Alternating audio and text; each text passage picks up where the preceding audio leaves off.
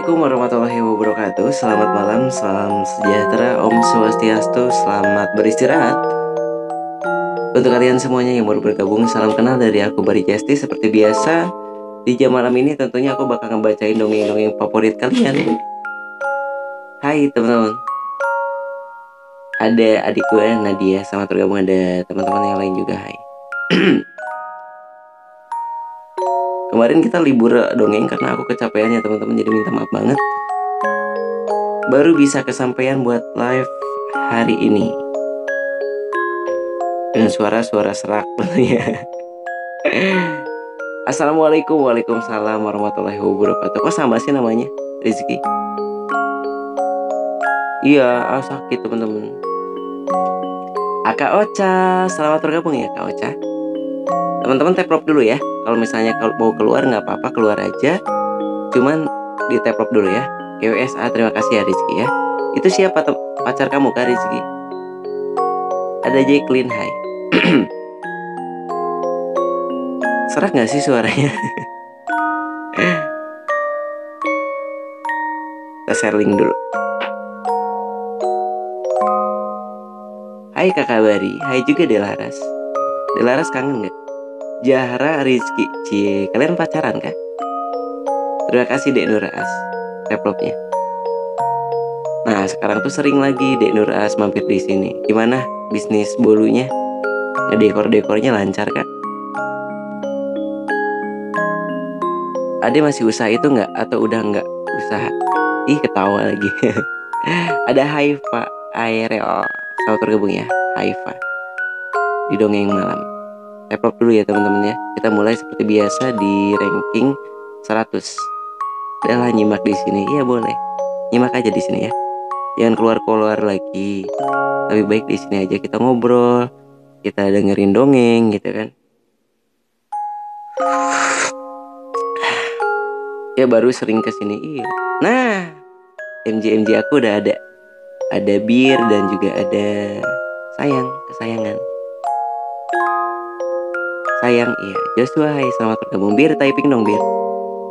Kita langsung jadiin MG ada Mei selamat bergabung. Hai Joshua. Joshua dari mana nih? Kayaknya baru di Spoon Radio.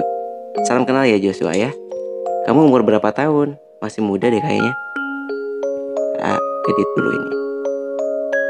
Ada Kak Jura, kakak selamat bergabung. Ada Kak Koko juga. Wah langsung 100 ya. Terima kasih teman-teman. Kak Bari Halo MG ku. MG tetap didongeng 12 kak. Eh 12 bang. Oh 12 tahun. Jangan terlalu malam ya tidurnya ya. Ah pamit ya. Mau nugas semangat ya adikku ya. Rika sama tergabung untuk kamu. Kalian mau request dongeng apa teman-teman? Boleh request ya. Ada makhluk hidup ada Raihan juga hai. Kamu stay di sini aja ya deh ya. Oh Rizky katanya mau stay di sini. Malah nugas. Thanks ah. Dadah dadah Hmm, enak. Dia lagi ngerjain tugas katanya. Soalnya sebagiannya ada yang masih sekolah di sini tuh teman-teman. Ada Ica kah? nah ini baru Ica suka foto kamu makhluk hidup tuh Ica ternyata. Guruku nge-WA katanya, udah balas dulu ya. Malam sang penyiar, malam ayang Ocha. Weh, cie. Ocha udah punya pacar kah? Bang, bang, iya apa? Imam hai, sama tergabung. Kenapa? Dongeng lah, boleh nanti ya. Sabar. Kalian jangan lupa tuh sediakan satu gelas teh untuk menemani waktu tidur kalian ya teman-teman. Sani selamat gabung ada Deresa juga. Cepat apanya? Sani jadi MJ ya? Eh udah lengkap MJ-nya teman-teman. Dongeng maling kunang tapi yang versi bajunya lusuh katanya. Emang ada? Tentang tiga babi dan serigala. Teman-teman di, dimasukin ke list ya. Biasanya yang list itu Kak Kak Bir. Halo semuanya, halo juga Kak Misdi, ada Aldi, hai. Yuk yang mau request dongeng boleh. Kita lima dulu listnya ya teman-teman ya. Dongeng yang pertama tadi Malin Kundang, tapi yang biasa aja adanya nggak apa-apa kan? Sama tiga babi apa tuh tadi? Ada sih kalau nggak salah ya. Tong teng teng teng tong teng. Nyimak kata Kak Ica boleh. Sama tidur ya Kak Ica ya. Dongeng apa Kak A? Biar gue tidur. Kalau misalnya mau panggil A, A aja jangan nggak usah pakai kakak lagi ya. Nanti di list dulu sama Kak Bir. Yang biasa aja ya, malin kundangnya ya. Satu malin kundang, dua tiga babi dan serigala, apalagi teman-teman. Dulu ya. Malin kundang. Hmm. Eh pahit. Oh, pokok serigala tuh pacarnya Ocha. Ah. Gaya ya punya pacar sekarang Ocha.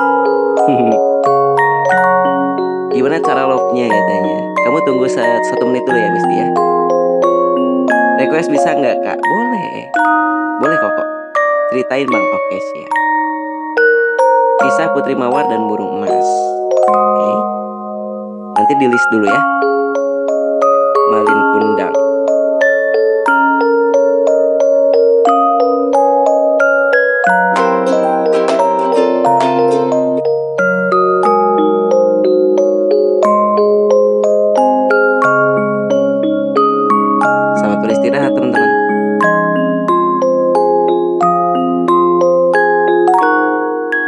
Misalnya nanti ada yang jahil-jahil kalian kick aja ya.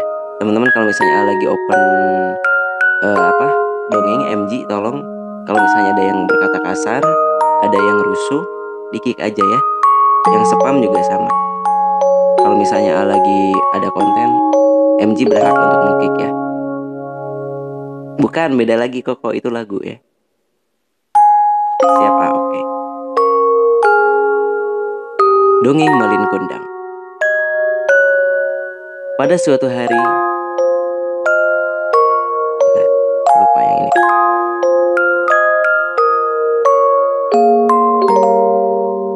Oke, Malin Kundang.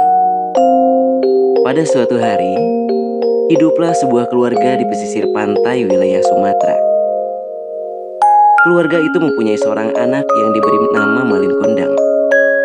Karena kondisi keluarga mereka sangat memprihatinkan, maka ayah Malin memutuskan untuk pergi ke negeri seberang. Besar harapan Malin dan ibunya.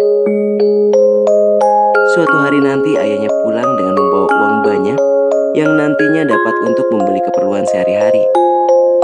Setelah berbulan-bulan, bertahun-tahun lamanya, ternyata ayah Malin tidak kunjung datang. Dan akhirnya pupuslah harapan Malin Kundang dan ibunya. Malin Kundang beranjak dewasa, ia berpikir untuk menjadi, mencari nafkah di negeri seberang dengan harapan nantinya ketika kembali ke kampung halapan, ia sudah bisa menjadi seseorang yang kaya raya. Akhirnya, Malin Kundang ikut berlayar bersama dengan seorang nakoda kapal di kampung halamannya yang sudah sukses. Selama berada di kapal, Malin Kundang banyak belajar tentang ilmu pelayaran pada anak buah kapal yang sudah berpengalaman. Malin belajar dengan tekun tentang perkapalan pada teman-temannya yang lebih dulu berpengalaman, dan akhirnya dia sangat mahir dalam hal perkapalan. Banyak pulau sudah dikunjunginya, sampai dengan suatu hari di tengah perjalanan tiba-tiba kapal yang dinaiki Malin Kundang diserang oleh bajak laut. Semua barang dagangannya yang berada di kapal dirampas oleh bajak laut. Bahkan sebagian besar awak kapal dan orang yang berada di kapal tersebut dibunuh oleh para bajak laut.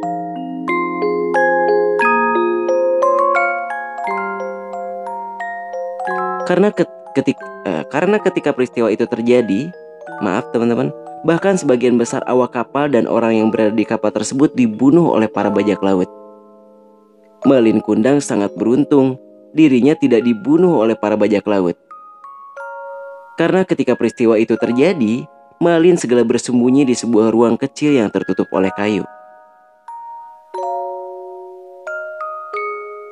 Malin Kundang terkatung-katung di tengah laut. Hingga akhirnya kapal yang ditumpanginya terdampar di sebuah pantai. Dengan sisa tenaga yang ada, Malin Kundang berjalan menuju ke desa yang terdekat dari pantai. Sesampainya di desa tersebut, Malin Kundang ditolong oleh masyarakat di desa tersebut setelah sebelumnya menceritakan kejadian yang menimpanya. Desa tempat Malin terdampar adalah desa yang sangat subur. Dengan keuletan dan kegigihannya dalam bekerja, Malin lama-kelamaan berhasil menjadi seorang yang kaya raya. Ia memiliki banyak kapal dagang dengan anak buah yang jumlahnya lebih dari 100 orang. Setelah menjadi kaya, Malin Kundang mempersunting seorang gadis yang menjadi istrinya. Setelah beberapa lama kemudian, setelah beberapa lama menikah, Malin dan istrinya melakukan pelayaran dengan kapal yang besar dan indah, disertai anak buah kapal serta pengawalannya yang banyak. Ibu Malin Kundang yang setiap hari menunggui anaknya melihat kapal yang sangat indah itu masuk ke pelabuhan ia melihat ada dua orang yang sedang berdiri di atas geladak kapal. Ia yakin kalau yang sedang berdiri itu adalah anaknya Malin Kundang beserta istrinya. Malin Kundang pun turun dari kapal, ia disambut oleh ibunya. Setelah cukup dekat, ibunya melihat belas bekas luka di tangan kanan orang tersebut. Semakin yakinlah ibunya bahwa yang ia dekati adalah Malin Kundang. Malin kudang anakku. Mengapa kau pergi begitu lama tanpa mengirimkan kabar? Katanya sambil memeluk Malin Kundang. Tetapi Malin Kundang segera melepaskan pelukan ibunya dan mendorongnya hingga terjatuh. Wanita tak tahu diri, sembarangan saja mengakui sebagai ibuku. Kata Malin Kundang pada ibunya. Malin Kundang pura-pura tidak mengenali ibunya. Karena malu dengan ibunya yang sudah tua dan mengenakan baju compang-camping. Wanita itu ibumu? Tanya istri Malin Kundang. Tidak. Ia hanya seorang pengemis yang pura-pura mengakui sebagai ibuku agar mendapatkan hartaku. Sahut Malin Kundang kepada istrinya. Mendengar pernyataan dan diperlakukan semena-mena oleh anaknya, Ibu Malin Kundang sangat marah. Ia tidak menduga anaknya menjadi anak durhaka. Karena kemarahan yang memuncak, Ibu Malin menandahkan tangannya sambil berkata, Oh Tuhan, kalau benar ia anakku, aku sumpahi dia menjadi sebuah batu. Tidak beberapa lama kemudian, Angin bergemuruh kencang dan badai dahsyat datang menghancurkan kapal Malin Kundang. Setelah itu, tubuh Malin Kundang perlahan menjadi kaku dan lama-kelamaan akhirnya berbentuk menjadi sebuah batu karang dan selesai. Teman-teman yang baru bergabung, selamat bergabung di Roomnya Bari Justice. Tentunya di malam hari ini, AA bakal bacain dongeng untuk kalian teman-teman semuanya ya. Katanya suara musiknya kekencengan, iya kah? Kekencengan nggak teman-teman? Kalau misalnya kekencengan, bilang aja ya. Assalamualaikum Waalaikumsalam Nyai eh nyai temen ayah ini Enggak kok kakak Enggak kok kata koko nggak kebesaran Udah aman ah, oke okay. Oh tadi awal-awal memang suaranya agak sedikit besar sih Kakak Bir, teman-teman jangan lupa untuk pen-to-pen sama DJ-nya ya. Aku mau tidur katanya. Selamat tidur ya Kak Novi. Ini dari Pems Jodiak ya. Halo, udah sehat Kak? Alhamdulillah Nyai, udah sehat. Makanya suaranya balik lagi. Mau tidur, makasih udah bisa hibur. Sama-sama Miss Dia. Kamu nggak akan di sini aja? Bye.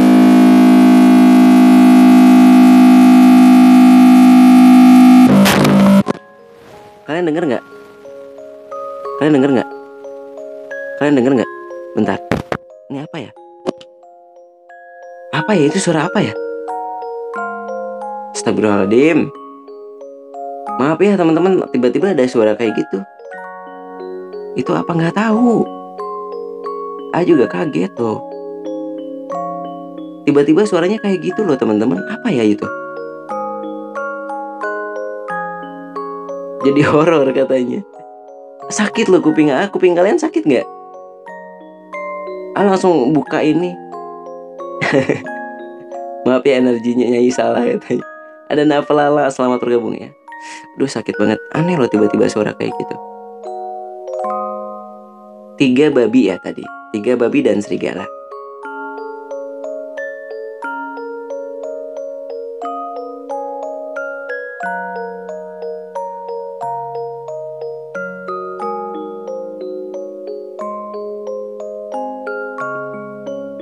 Bari, oh energinya. Sudah mengikuti Alhamdulillah ya.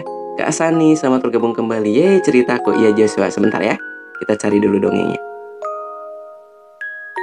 Kalian yang mau request eh, Dongeng boleh ya? Babi dan serigala.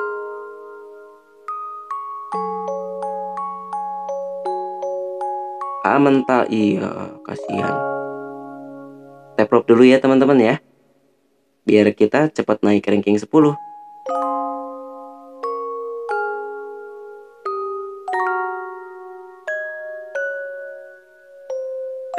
Cerita horor enak banget katanya. Nanti Misti kalau cerita horor itu jam 3 ya. Sani, kenapa keluar masuk?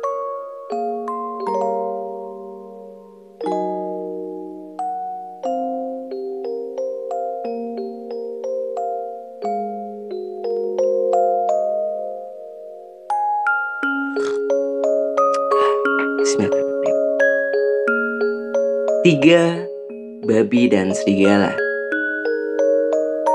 Dahulu kala, hiduplah seorang seekor ibu babi dengan tiga orang anaknya. Anak yang sulung sangat malas dan mengabaikan pekerjaannya. Anak yang tengah sangat rakus, tidak mau bekerja dan kerjanya hanya makan. Anak bungsunya tidak seperti kakaknya. Ia anak yang rajin bekerja. Suatu saat, ibu babi berkata pada anak-anaknya, "Karena kalian sudah dewasa, kalian harus hidup mandiri dan buatlah rumah masing-masing." Si bungsu berpikir, rumah seperti apa yang akan didirikannya? Si sulung tanpa mau bersusah payah membuat rumahnya dari jerami. Si bungsu berkata, Kalau rumah jerami nanti akan hancur bila ada angin atau hujan. Oh iya ya, kalau begitu aku akan membuat rumah dari kayu saja supaya kuat jika ada angin. kata si anak tengah. Setelah selesai si bungsu kembali berkata, Kalau rumah kayu walaupun tahan angin tetapi akan hancur jika dipukul. si kakak menjadi marah. Kau sendiri lambat membuat rumah dari batu-batumu itu. Jika hari telah sore, serigala akan datang loh. Si bungsu bertekad akan membuat rumah dari batu bata yang kuat yang tidak goyah dengan angin ataupun serangan serigala. Malam pun tiba. Pada saat bulan purnama, si bungsu telah selesai.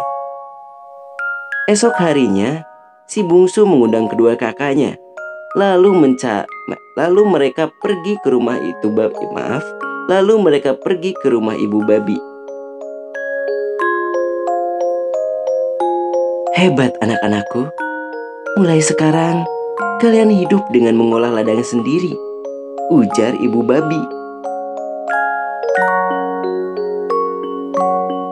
Kedua kakak si bungsu mengerutu. Tidak ah, capek. Gerutu mereka.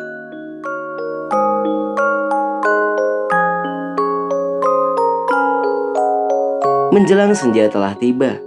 Mereka pamit kepada ibu mereka. Dalam perjalanan, tiba-tiba, maaf teman, gitar aku hidup sendiri ya. Bentar. Oke, kita lanjut ya. Menjelang senja telah tiba, mereka pamit kepada ibu mereka. Dalam perjalanan, tiba-tiba seekor serigala membututi mereka. Akan memakan babi malas yang tinggal di rumah jerami itu, kata serigala. Ketika sampai di depan pintu, si sulung ia langsung menen- menendang pintu. Buka pintu, buka pintu, teriaknya.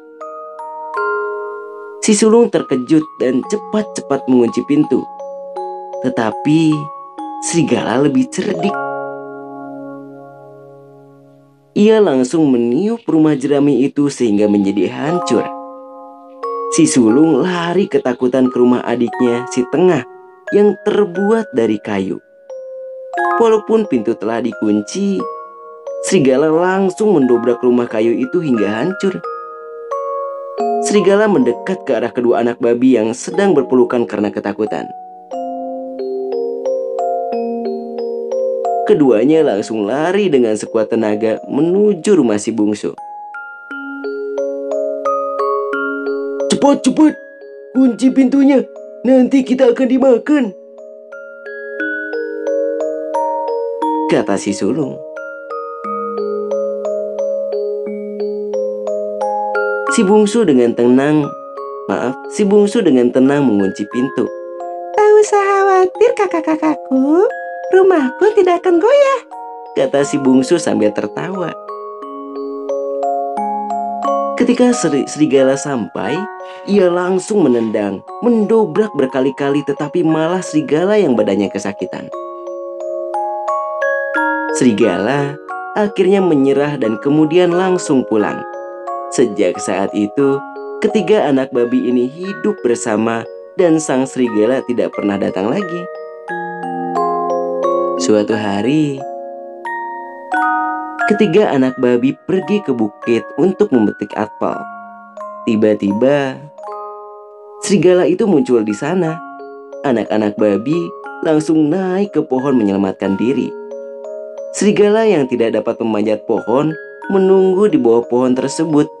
Si bungsu berpikir, lalu ia berteriak. Serigala, kau pasti lapar. Apakah kamu mau apel? Si bungsu segera melemparkan sebuah apel. Serigala sudah kelaparan langsung mengejar apel yang menggelinding. Sekarang ayo kita lari. Akhirnya kita bisa lari. Ayo kakak-kakakku. Akhirnya mereka semua selamat. Beberapa hari kemudian, si serigala datang ke rumah si bungsu dengan membawa tangga yang panjang.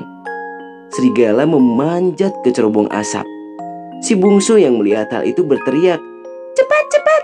Nyalakan api di tungku pemanas. Si sulung menyalakan api. Si bungsu membawa kuali yang berisi air panas. Serigala yang ada di cerobong asap pantatnya kepanasan tak tertahankan. Malang bagi serigala. Ketika ia sedang melarikan diri, ia terpeleset dan jatuh tepat ke dalam air yang mendidih.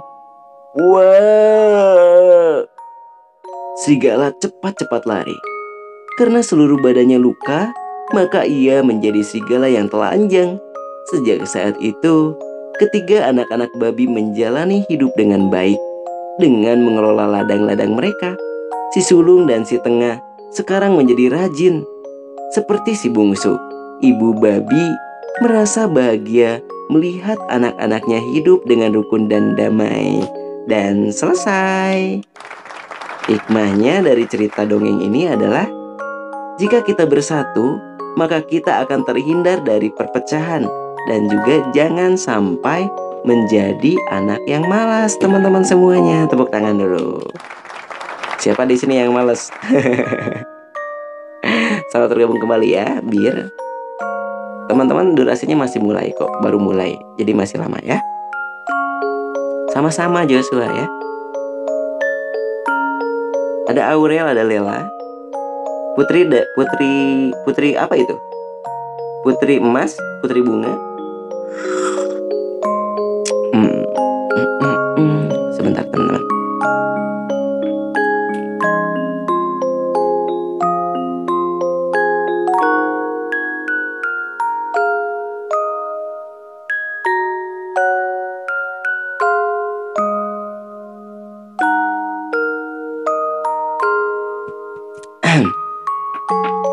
Putri Mawar dan burung emas. Oke, burung emas atau keong emas? Ada Ita, ada Adiba juga hai. Selamat malam ya teman-teman. Selamat bergabung di Dongeng Malam Bari Justice. Orang mana ya? Dari Bandung. Kenapa Dedek? Kisah uh, Putri Putri Mawar Putri Mawar dan Keong Emas eh, eh, eh.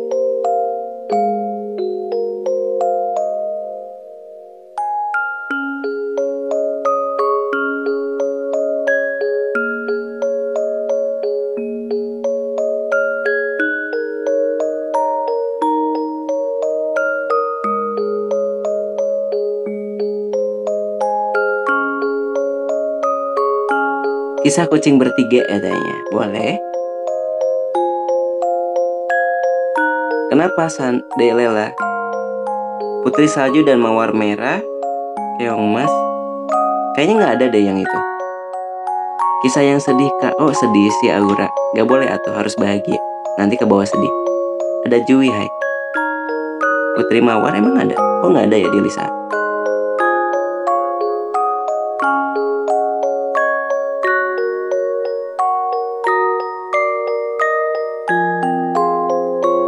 Berarti skip ya yang itu. Teman-teman boleh kalau mau request, request aja ya. Yang itu nggak ada dongengnya. Berarti Putri Mawar dan burung emas kakak.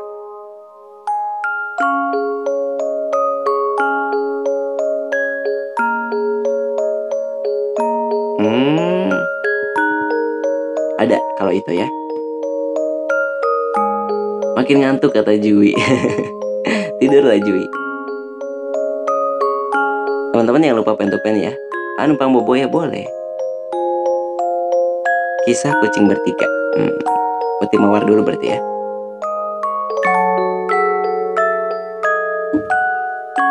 Kisah Putri Mawar dan Burung Emas. Alkisah zaman dahulu kala. Di negeri yang amat jauh, hiduplah seorang putri cantik yang bernama Putri Mawar. Ia dipanggil begitu karena memiliki rambut panjang berwarna merah yang menyerupai bunga mawar.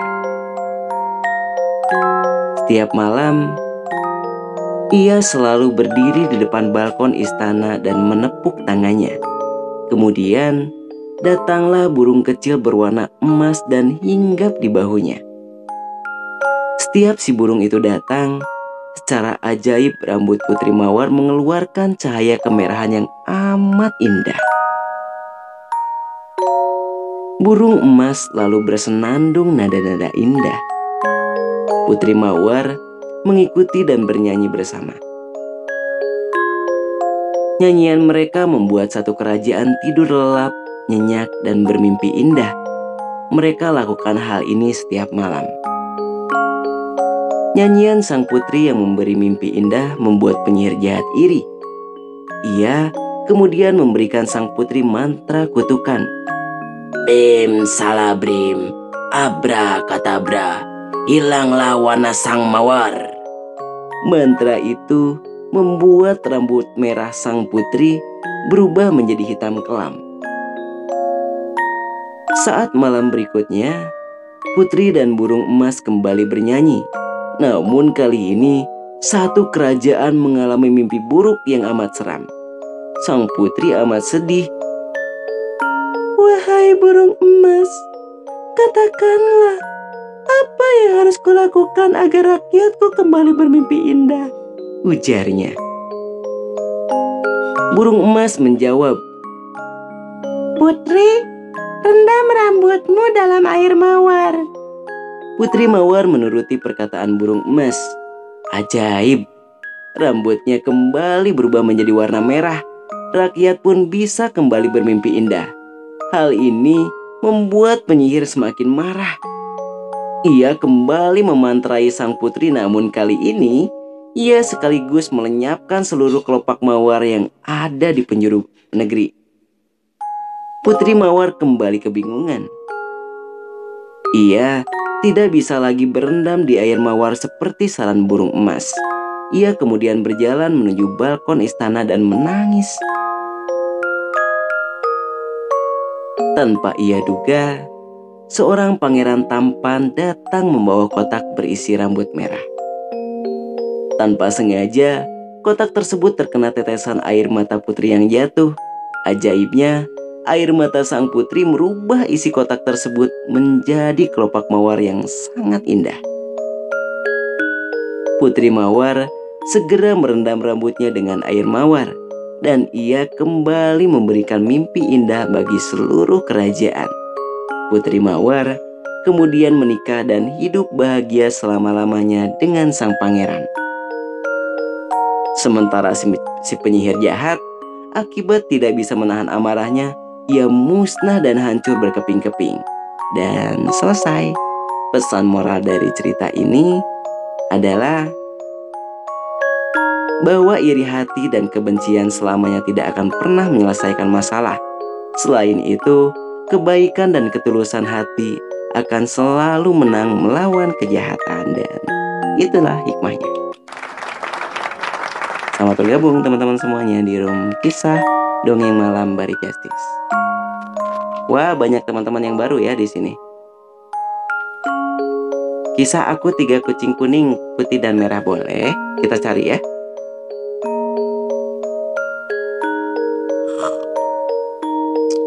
Ada Deyaya juga, anakku selamat bergabung ya. Teman-teman dibantu di tap dulu yuk, biar roomnya naik. Dan jangan lupa untuk di pen to pen, agar kalian tidak ketinggalan siaran-siaran dari Kak BJ. Jangan lupa juga untuk pen MG-MG kakak, karena mereka yang udah bantu kakak untuk siaran. Salam kenal ya, kalian dari mana? Halo Kak Fitri. Kisah tiga kucing. Kakak-kakak yang mau request dongeng boleh ya. Ada Dian, Banten aku kak kata Misti itu ya. Panjang nggak sebentar?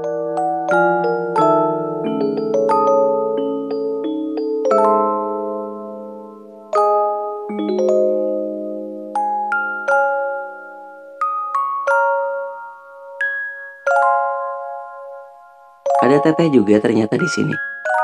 Sejak kapan teteh di sini? MG-nya komplit kan?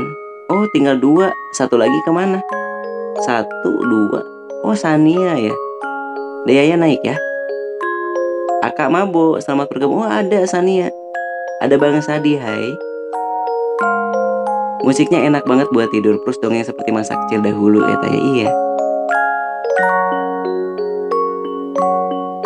Wah kok nggak bisa dibuka ya Bentar ya teman-teman. Ada Kira itu ke mana? Soalnya di atas. Bentar ah turunin dulu Sani terus naikin lagi. Biar sejajar ya MG nya Kayaknya mental deh Sani tadi. Hmm ini. Dah.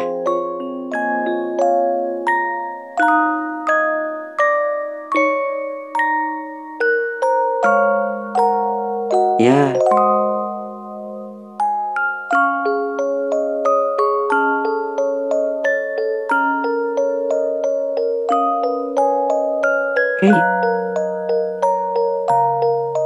Kisah tiga kucing.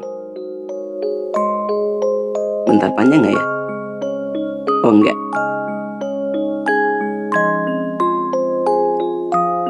Alkisah ada tiga e ekor kucing sedang ngobrol. Mereka adalah kucing orange, kucing hitam, dan kucing belang. Kucing orange memiliki tubuh tidak terlalu besar, namun memiliki kecepatan berlari yang cukup tinggi dan sangat lincah. Kucing hitam memiliki tubuh yang besar, badannya sangat kekar, besar tubuhnya hampir menyerupai anjing. Sedangkan kucing belang memiliki tubuh yang kurus dan lemah. Dia adalah kucing yang kurus dan lemah. Mereka sedang memamerkan kehebatan mereka. Kucing orange. Hai teman-teman, Aku pernah menggigit seekor anjing loh waktu dia tidur. Mm, ah, ah, ah, ah, ah. Langsung deh anjing itu teriak kaing-kaing. Waktu aku melarikan diri, dia tidak bisa mengejar aku gara-gara kesakitan. Kucing hitam menjawab, Ah, itu sih belum apa-apa. Kemarin, aku malah secara jantan menantang serigala bertarung. Kita sepakat untuk bertarung sampai salah satu di antara kita ada yang mati. Dan lihatlah teman-teman, sekarang saya masih hidup. Dua ekor kucing sudah menceritakan kehebatannya. Tinggal kucing belang yang belum menceritakan kehebatannya. Kucing oren pun sudah tertawa sinis dan berpikir. Untung masih ada yang lebih buruk daripada aku. Kucing belang adalah kucing yang kurus, ingusan, dan tubuhnya terlihat lemah sekali. Kucing orange. Ayolah berang, Ceritakan saja apa kehebatanmu, Belang. Kita tidak akan mengejek kok, walaupun kita tahu kalau kamu tidak sehebat kita.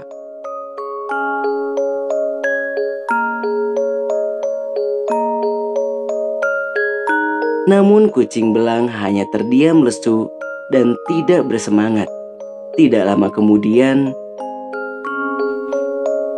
dia malah beranjak pergi tanpa sepatah kata pun. Kucing hitam dan kucing orange pun langsung marah-marah karena merasa dicuekin. Kucing hitam berkata, Eh, kamu mau ke mana? Cerita dulu apa kehebatanmu. Kemudian kucing belang menjawab, Aduh, sorry ya teman-teman, aku nggak ada waktu. Aku ada janji sama singa buat jalan-jalan keliling hutan. Habis itu ada kerjaan gosokan gigi buaya. Dan selesai. Pesan moral, jangan menilai seseorang hanya dari penampilan luarnya saja. Gitu teman-teman. Eh, bentar. Sepura ngebug dulu teman-teman. Sebentar ya. ADC dulu sebentar ya nggak apa-apa ya.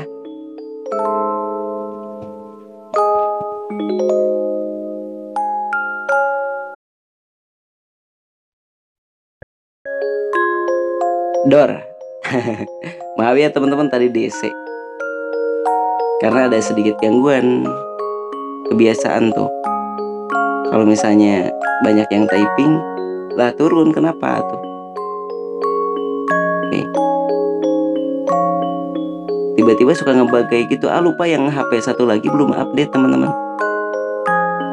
Kalian masih ada di sini nggak? Atau kalian udah pada keluar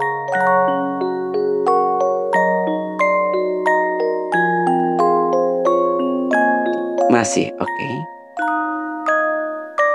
Udah, tadi udah dibacain ya kisah tiga anjing, eh tiga kucing.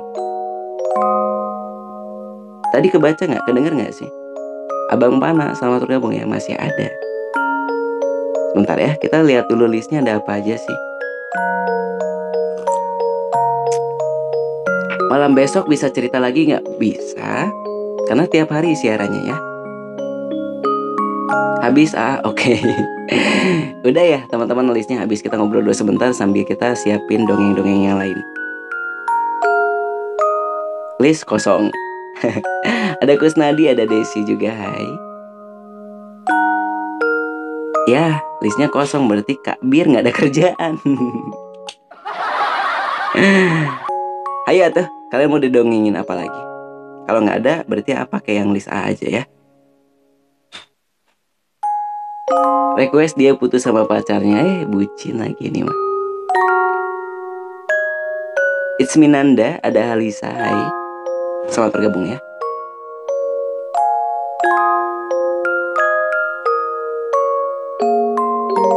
Sambil tidur ya ceritain dongeng yang seru boleh. Selamat tidur ya Kak Kusnadi. Ada Caca juga hai. Bang Pana nggak typing kah?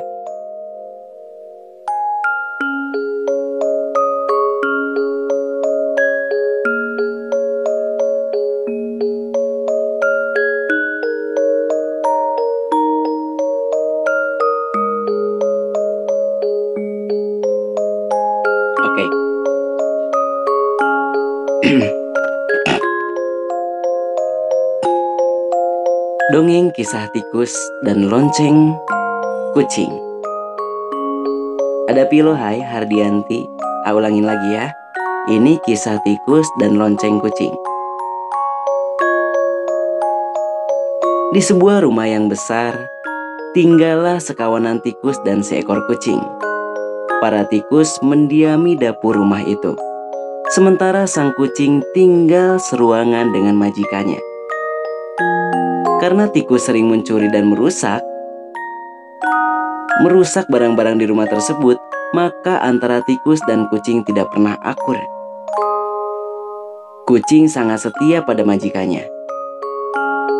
Kucing sering diperintah untuk memburu para tikus jika dia melihat berkeliaran di rumah tersebut.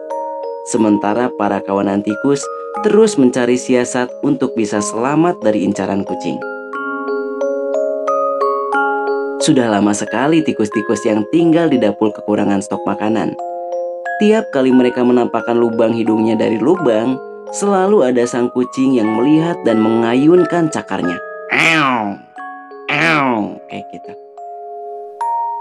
Bahkan ketika tikus sudah terlanjur keluar lubang, kucing tidak segan-segan untuk mengejar mereka. Akhirnya, mereka menjadi ketakutan untuk keluar lubang, bahkan untuk mencari makanan. Keadaan mereka makin memprihatinkan. Mereka makin lemah, perutnya kempis, kini mereka dilanda kelaparan. Hal ini membuat ketua tikus berpikir dan merencanakan sesuatu untuk mengatasi situasi tersebut. Suatu malam, mereka sepakat untuk melakukan pertemuan rahasia. Tikus-tikus berembuk, banyak yang diucapkan, tetapi kebanyakan hanya menyalahkan si kucing daripada menawarkan pemecahan untuk masalah tersebut. Tapi akhirnya, seekor tikus betina mengusulkan sebuah ide yang cemerlang.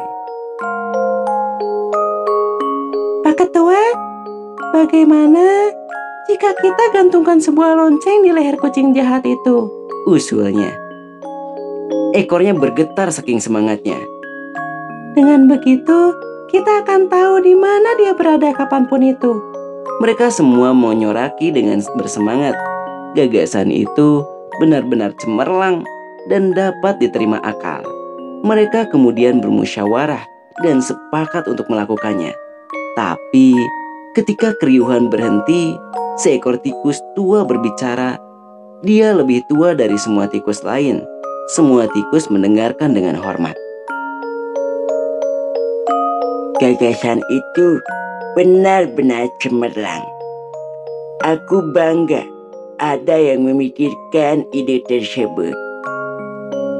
Kumis tikus yang mengusulkan ide tersebut bergoyang-goyang senang. Tapi dia menggaruk telinganya kebingungan.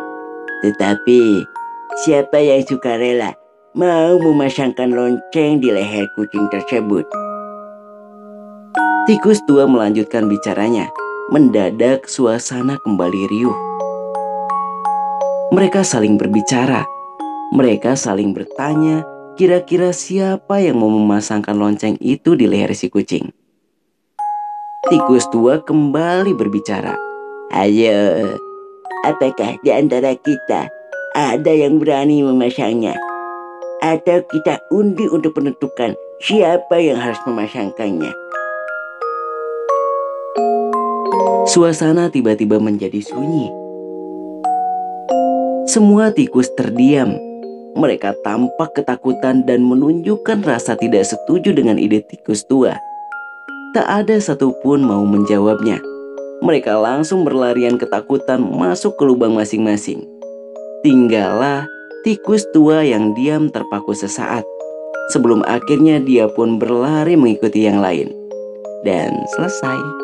Pesan moral dari dongeng ini adalah rencana yang sudah baik dan cemerlang tidak akan berguna jika kita tidak berani untuk berusaha mengejarnya.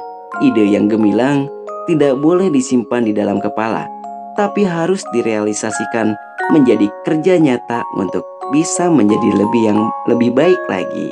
Gitu. Kok jadi gagak sih? Salah. Malah suara gagak. Kadang-kadang kita punya rencana yang cemerlang teman-teman ya. Tapi rencana yang cemerlang pun gak akan berjalan dengan baik kalau misalnya kita tuh tak mau merealisasikannya, gak mau bergerak. kalau punya rencana itu harus bergerak teman-teman ya. Harus istilahnya take action ya bahasanya itu. Biar nanti rencana dan juga planning kita tuh berjalan dengan lancar. Ada Nabila, hai. Kak Depi sudah tidur kah? Hai Kak, hai juga Kak Salma. Ada Mr. S juga, hai. Selamat bergabung.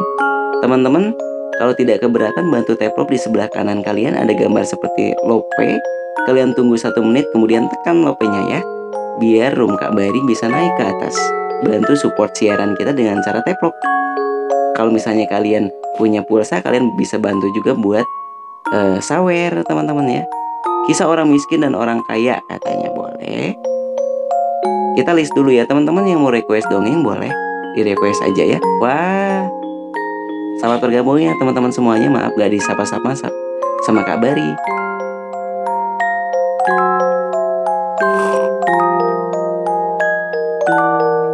Ada Kak Parida, ada Musyaroful, Musyarofatul ternyata namanya tuh.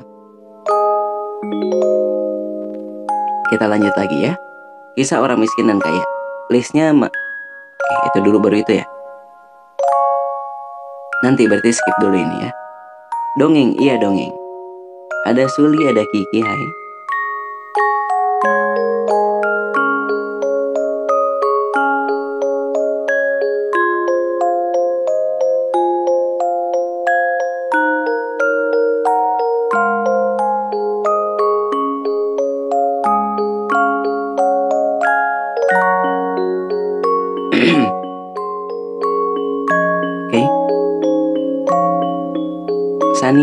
Bergabung kembali.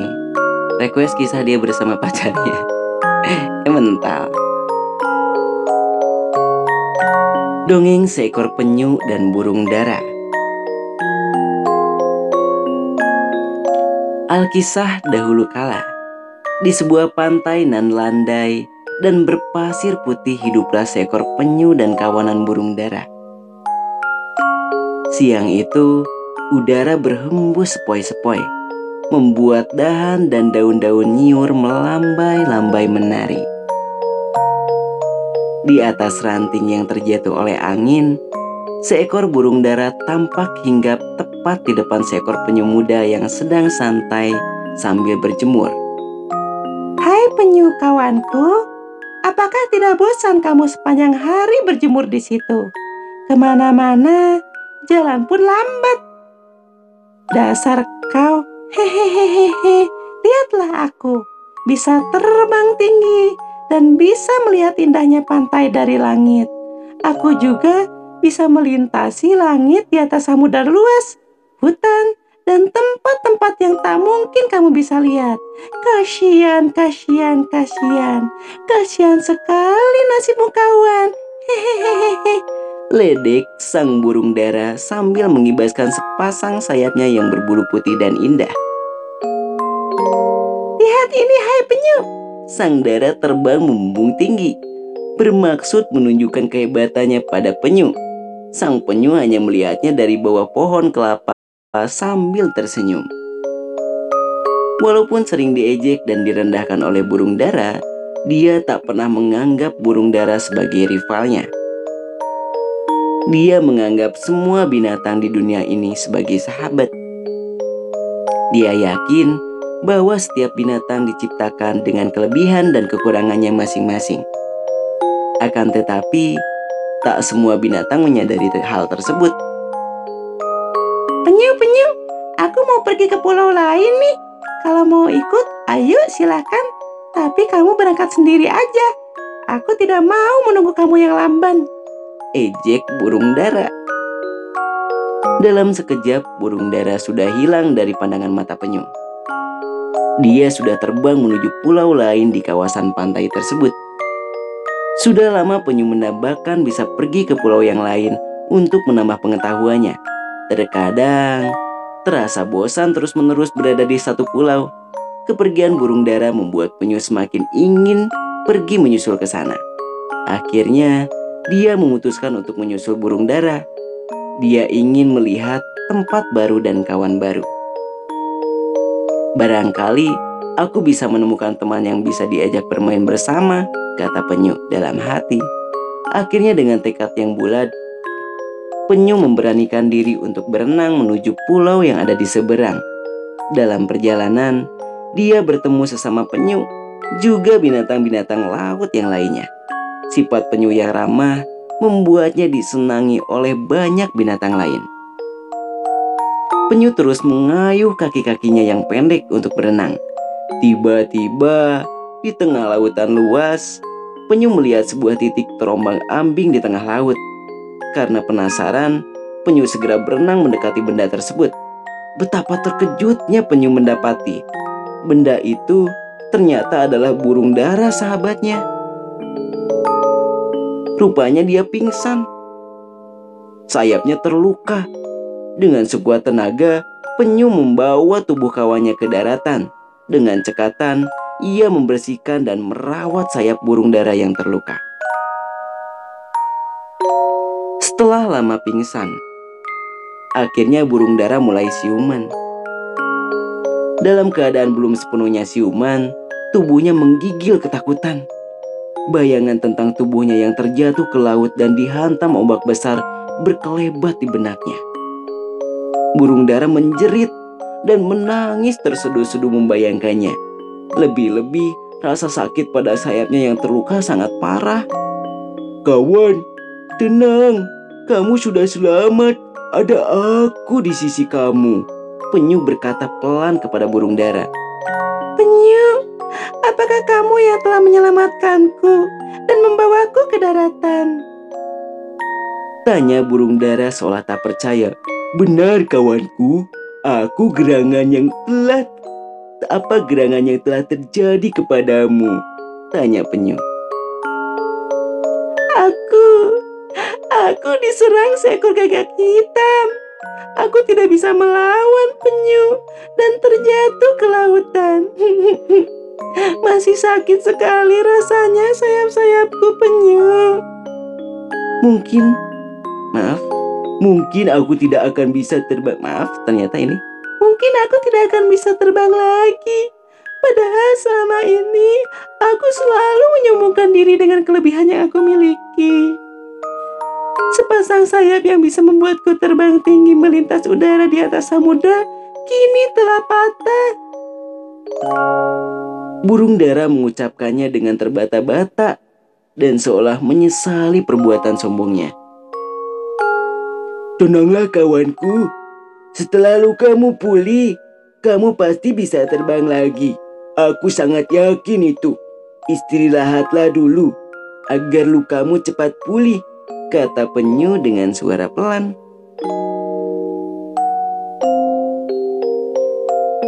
Mendengar ucapan penyu, tangisan burung dara pun mulai mereda. Penyu sahabatku yang baik, terima kasih. Kamu telah menolongku dan aku ingin mohon maaf karena selama ini aku sudah sering menghina dan menyakitimu. Tapi kamu begitu sabar menerima perlakuanku yang jahat padamu. Penyu hanya diam sambil tersenyum. Seraya menggelengkan kepalanya. tak ada yang perlu dimaafkan kawan. Tersakiti, kamu tetap temanku dan aku adalah temanmu. Selamanya aku akan selalu begitu sebagai kawan. Kita tidak boleh bermusuhan lagi ya. Begitulah, sejak kejadian itu, burung dara dan penyu bersahabat dengan sangat baik. Ke mana-mana, mereka selalu bersama. Bahkan ketika penyu sedang sakit dan tidak bisa mencari makan, burung dara selalu membantunya mencarikan makanan dan meng- mengirimi makanan untuk penyu. Sebuah persahabatan yang indah dan selesai. Pesan moral dari cerita ini, janganlah kita bersifat sombong teman-teman. Jangan menyombongkan kelebihan yang kita miliki. Jangan suka mengejek orang lain yang mempunyai kekurangan. Yakinlah bahwa setiap manusia itu punya kelebihannya masing-masing, sama seperti kalian punya kelebihan ya. Siapa di sini yang insecure? Ayo. Jangan minder ya teman-teman ya. Kalau minder itu nanti kalian tuh bakal menghilangkan potensi diri kalian. Setiap orang tuh punya kelebihan. Kakak punya kelebihan, kalian pun punya kelebihan. Jangan suka membanding-bandingkan diri kalian ya. Wah, mantap ya. Terima kasih teman-teman yang sudah teplok. Ayo dibantu lagi yuk. Itu kisah orang miskin dan kaya. Bentar, ada nggak ya?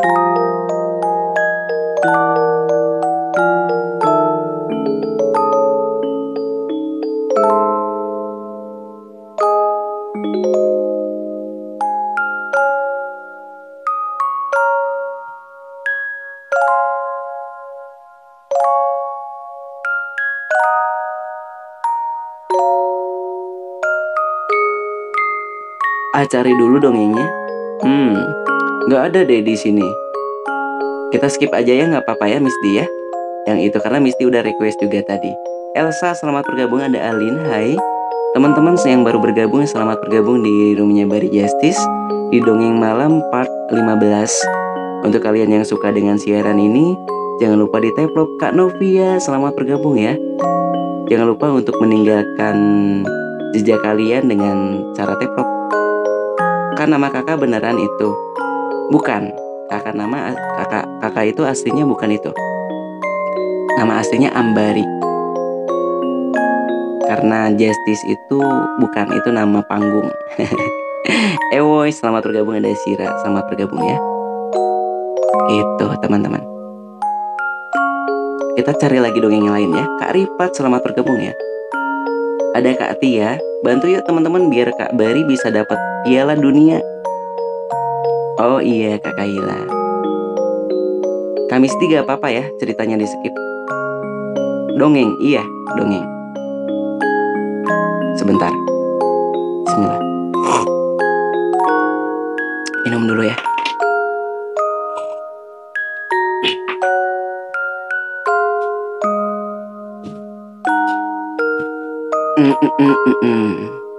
Ngakak yuk. Kita lanjut ya ceritanya.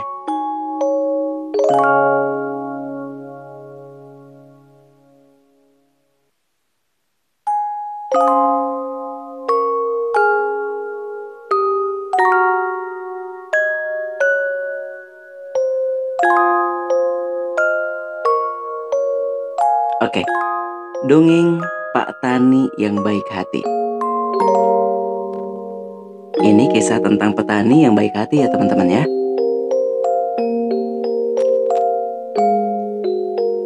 Di suatu desa terpencil di tepian belantara, hiduplah seorang petani yang sudah renta. Petani ini hidup seorang diri dan sangat miskin. Pakaiannya penuh dengan tambalan dan rumahnya terbuat dari gubuk kayu. Musim dingin telah tiba. Pak petani tidak punya makanan. Juga tidak mempunyai kayu bakar untuk menghangatkan diri. Jadi hari ini Pak petani hendak pergi ke pasar untuk mencari pekerjaan. Ketika keluar dari rumah, dilihatnya ada sebutir telur tergeletak di atas tanah. Dengan hati-hati, dipungutlah telur tersebut dan dibawanya ke dalam rumah. Pak petani menyelimuti telur itu dengan kain lusuh dan meletakkannya di dalam kardus agar tetap hangat. Setelah itu, dia pergi ke pasar untuk belanja. Pak petani membuat telur itu menjadi hangat setiap hari sampai telur itu menetas. Ternyata telur itu adalah telur burung nuri. Mungkin induknya menjatuhkannya ketika hendak pindah ke tempat yang lebih hangat. Pak petani merawat burung nuri kecil itu dengan penuh kasih sayang. Dia selalu membagi setiap makanan yang diperolehnya dari bekerja di pasar dan di ladang.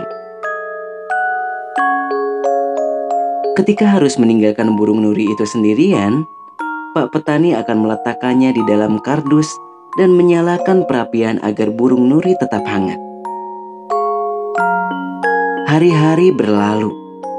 Burung nuri putri, maaf, burung nuri kecil tumbuh semakin dewasa. Pak petani sadar burung nuri ini tidak selamanya akan tinggal bersama dirinya. Dengan berlinang air mata, Pak Petani melepaskan burung nuri itu di tengah hutan dan mencari tempat yang selalu terkena matahari agar burung nuri selalu merasa hangat. Suatu hari, Pak Petani berbaring sakit karena kedinginan.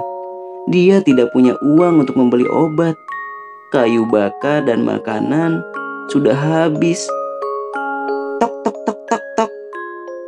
Tok tok tok tok tok tok. Terdengar suara dari pintu rumah Pak Petani. Ternyata burung nuri itu kembali. Di paruhnya terdapat benih tanaman. Pak Petani heran, burung nuri itu masih mengingatnya.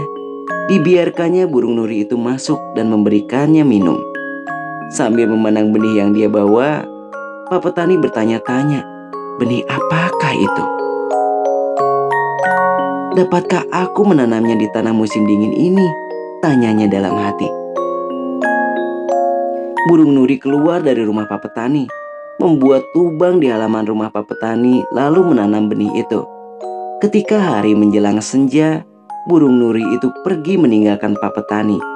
Esok harinya, keajaiban pun mulai terjadi. Benih yang ditanam burung nuri tumbuh menjadi pohon lengkap dengan buahnya. Hanya dalam waktu satu hari saja. Ajaib. Pak Petani sangat terkejut dan bersyukur melihatnya. Karena lapar, Pak Petani memakan buah pohon tersebut. Ajaib tubuhnya menjadi kuat dan dia tidak merasa sakit. Karena keajaibannya, Pak Petani menanam pohon itu, menamakan pohon itu pohon ajaib. Karena buahnya dapat membuat Pak Petani menjadi sehat kembali dalam seketika. Pak Petani merawat pohon itu dengan baik. Meskipun musim dingin, pohon itu terus berbuah dan tidak menjadi kering. Pak Petani menjual buah itu dan mendapatkan banyak sekali uang dia bisa membeli sepasang kerbau dan bisa menggarap sepetak sawah dari hasil menjual hasil pohon buah ajaib. Tentunya pohon pemberian burung nuri. Sekarang Pak Petani tidak lagi kedinginan dan kelaparan. Meskipun demikian, Pak Petani tetap murah hati. Dia ingat bahwa apa yang diterimanya sekarang adalah buah dari ketulusannya menolong sesama makhluk hidup. Dan selesai. Hikmah dari cerita ini, ketika kita melakukan sesuatu dengan tulus, ikhlas, dan sabar, kita pasti akan mendapat balasan, balasan yang indah, dan melalui jalan yang tidak pernah disangka-sangka. Itu teman-teman. Kita mah harus berbuat baik kepada siapa pun. Jangan pilih-pilih ya teman-teman ya. Mau sama hewan, mau sama manusia, sama perlakuannya. Jangan sampai kita tuh suka menyiksa menyiksa binatang ya. Karena binatang juga makhluk Tuhan yang harus kita jaga.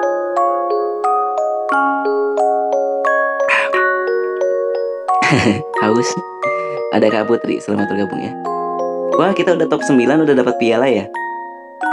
Hai Joy selamat bergabung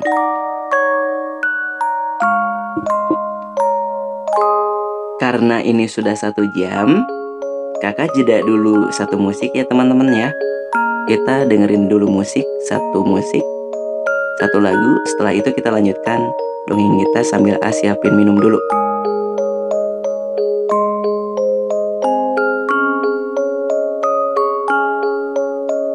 Selamat mendengarkan.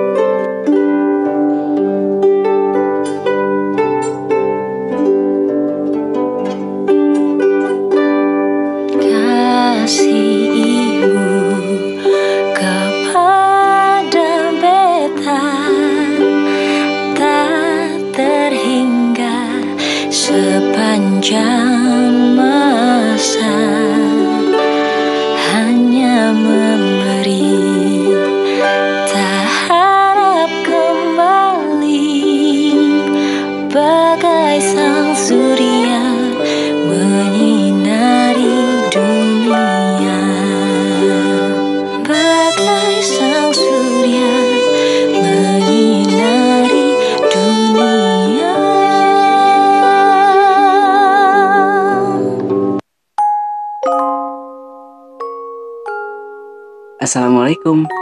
Kita lanjut lagi ya dongengnya teman-teman yang baru bergabung. Salam kenal dari Bari Justice yang sedang mengudara di kota Bandung. Untuk kalian yang suka dengan siaran-siaran dongeng, jangan lupa untuk pen-to-pen ya teman-teman ya. Tentunya Kak Bari bakal nemenin kalian sampai satu jam ke depan lagi. Waktunya masih lama. Kakakku Ciang, selamat bergabung ya. Sapa aku katanya. Kak Aira, hai. Ada Patmaku, tuh disapa semuanya ya. Ah lagi ngedongeng. Iya Raf. Ini Raf dan pacarnya. Oh pacarnya Kuciang Akhirnya bisa ketemu lagi ya di sini. Kak Raf ke mana aja lo? Dede mau tidur didongengin katanya. Siap bosku Ya kita lanjut lagi dongengnya ya teman-teman ya. Tadi kita udah jeda dulu satu lagu Sambil istirahat Tentunya untuk malam ini dongeng-dongengnya itu berbau-bau, berbau-bau nggak tuh bahasanya. Temanya itu hewan dan binatang. Dongeng horor sekali-kali katanya nanti atau. Salam kenal ya yang baru bergabung, tekan profil Kak Bari, terus tap pen ya, agar kalian tidak ketinggalan siaran-siaran dari Kak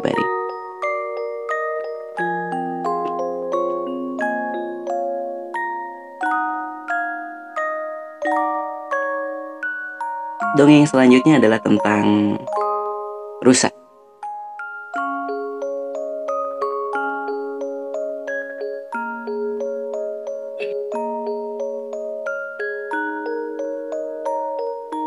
Rusa yang sakit dan temannya. Alkisah zaman dahulu kala. Jauh di dalam hutan tropis, hiduplah seekor rusa betina. Ia kini sedang sakit dan hampir mati kelaparan karena tidak bisa berjalan untuk mencari makan. Ia terluka akibat tergelincir dari atas tebing. Waktu itu, dia sedang berjalan mencari sumber air untuk minum. Namun, tanpa sengaja, dia terpeleset dan akhirnya jatuh ke dalam jurang terjal.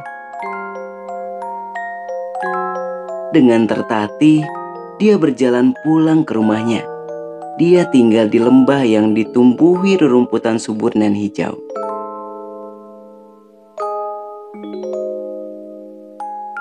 Hampir seminggu dia diam terbaring sendirian di rumahnya. Hingga kabar sakitnya si rusa betina terdengar oleh sesama rusa. Yang pertama datang menengok adalah rusa jantan dari daerah utara tempat tinggal rusa betina. Karena kasihan, dia sering datang menengoknya.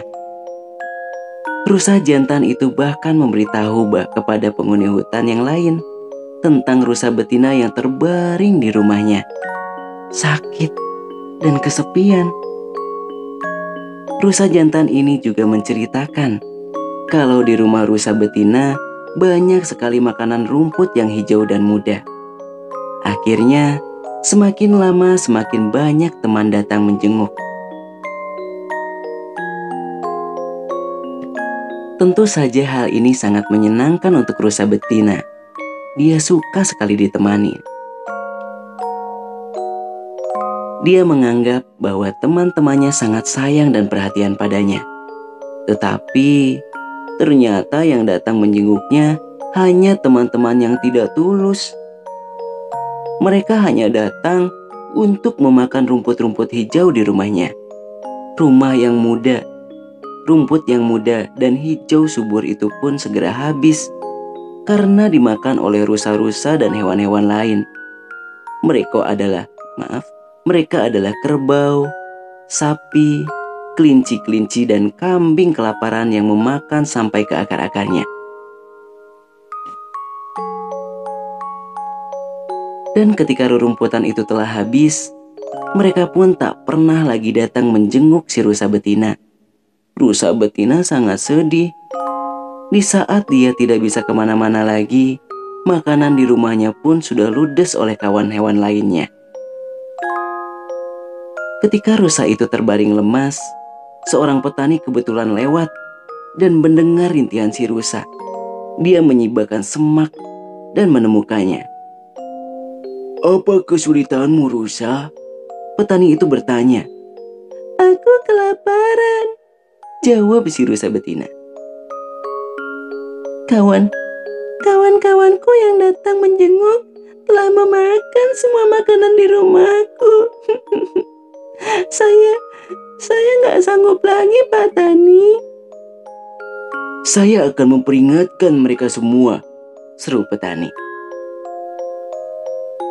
Kamu harus memperhatikan mana kawanmu yang hanya sayang pada perut mereka dan mana yang benar-benar sayang kepadamu. Kemudian dia pergi mengumpulkan banyak rumput di hutan dan membawakannya kembali ke tempat si rusa betina. Rusa, ini makanlah. Semoga cepat sembuh. Kata petani sambil menaruh tumpukan rumput hijau dan muda.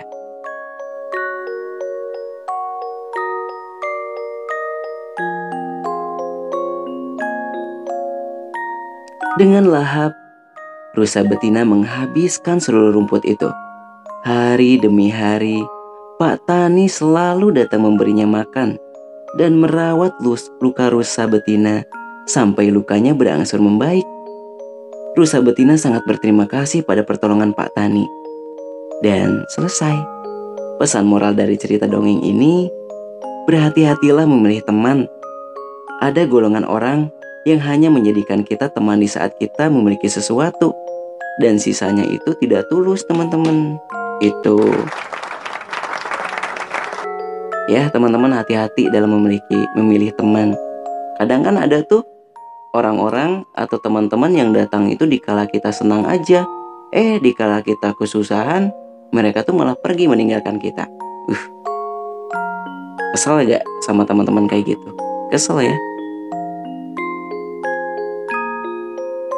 Ada istilah yang berkata seperti ini. Lebih baik teman sedikit tapi temannya benar-benar teman dibanding teman kita banyak tapi mereka tuh munafik. Hai Kak Aira, Kak Nurul juga selamat bergabung ya teman-teman semuanya.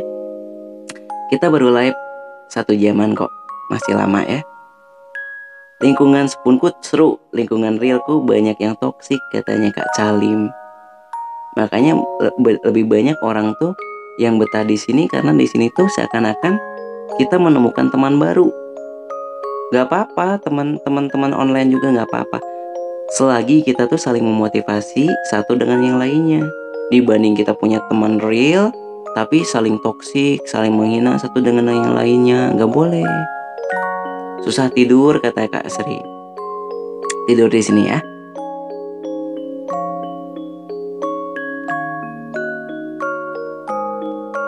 Kamisti dari mana tadi ya?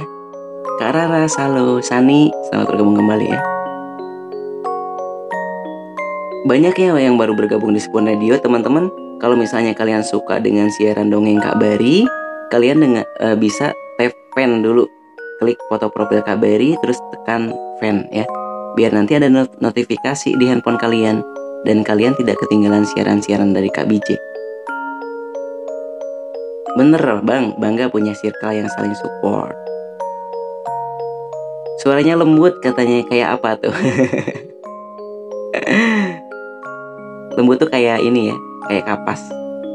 Baru install spoon katanya. Selamat malam, selamat malam juga. Yuk kita lanjut yuk ceritanya.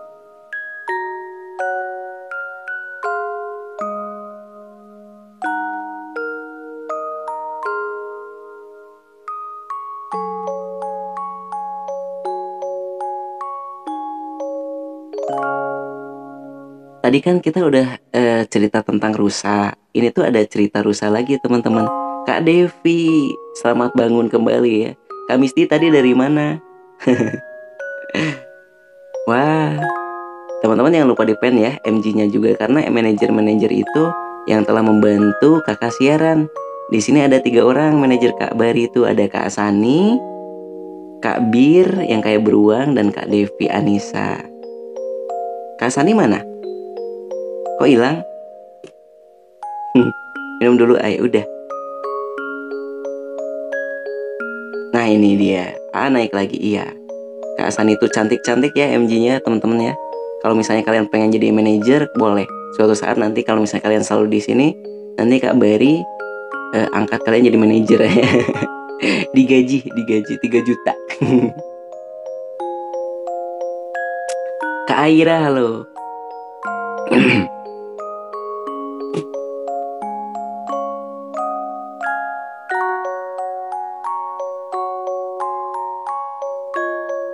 Kisah rusa yang sombong. Alkisah zaman dahulu kala di sebuah belantara hiduplah seorang rusa. Seekor ya. Siang itu cuaca sangat panas. Maka si rusa memutuskan untuk mencari sungai untuk mendinginkan badan sekaligus mandi. Tidak beberapa lama, sampailah ia di sebuah sungai yang sangat jernih dan dingin airnya. Tanpa pikir panjang, dia langsung menceburkan diri ke dalam sungai tersebut. Selain dirinya, di sungai itu rupanya ada si kambing dan si kerbau yang tampaknya sudah lama berada di situ. Mereka juga sedang mandi dan minum. Mengetahui ada si kambing dan maaf, mengetahui ada si kambing dan si kerbau, si rusa pun beranjak ke pinggiran sungai. Di pinggiran sungai, ia mulai menggosokkan tanduknya di batu sambil sesekali memamerkannya pada kerbau dan kambing. Tanduknya nampak berkilauan diterpa cahaya matahari. Ternyata si rusa itu sangat sombong. Ia sengaja memamerkan tanduk emasnya. Mentang-mentang punya tanduk emas, Kata si kambing dan si kerbau. Iya, ini kan tanduk emasku yang sangat kuat dan besar. Dan hanya aku yang memiliki tanduk seperti ini. Kata si rusa dengan sombongnya. Namun kerbau dan dan sapi eh dan kambing hanya menatap rusa dengan heran. Rusa pun meneruskan mandi di sungai yang airnya sangat segar dan jernih itu. Selesai mandi, di sungai si rusa bertemu dengan seekor burung gagak. Hai rusa, tanduk emasmu bagus juga ya, kata burung gagak. Oh, sudah pasti dong. Tanduk emasku kan paling kuat dan besar di sini. Ucap rusa dengan congkaknya. Rusa itu melanjutkan perjalanannya. Saking asyiknya, ia tidak melihat di depannya ada sarang lebah yang menggantung tepat di jalur hendak dilewatinya. Tak ayal, tanduknya yang berwarna emas menyentuh sarang lebah itu dan spontan. Para kawanan lebah kaget dan berhamburan keluar sarang sarangnya seraya mengejar si rusa. Melihat para lebah yang marah, rusa pun lari tunggang langgang dan berteriak minta tolong. Tolong, tolong, tolong, teriak si rusa. Namun tak satu pun hewan di sekitarnya yang mau menolongnya. Saking paniknya, si rusa jatuh, terjerembat di kubangan yang biasa untuk mandi lumpur si kerbau. Para lebah pun menyengat tubuh si rusa tanpa ampun. Dengan tubuh penuh benjolan bekas sengatan, ia beranjak bangkit dari kubangan si kerbau. Di situ sudah berdiri si kerbau dan si kambing yang cengengesan. Heran dengan bentuk tubuh si rusa yang penuh dengan benjolan. Wah, wah, rupanya selain tanduk emas, kamu juga punya kelebihan lain ya rusa. Kini tubuhmu unik dengan banyak benjolan kayak gitu. Dan saya yakin hanya kamu yang punya tubuh unik dengan benjolan macam itu. Ma. Ledek si kambing dan kerbau.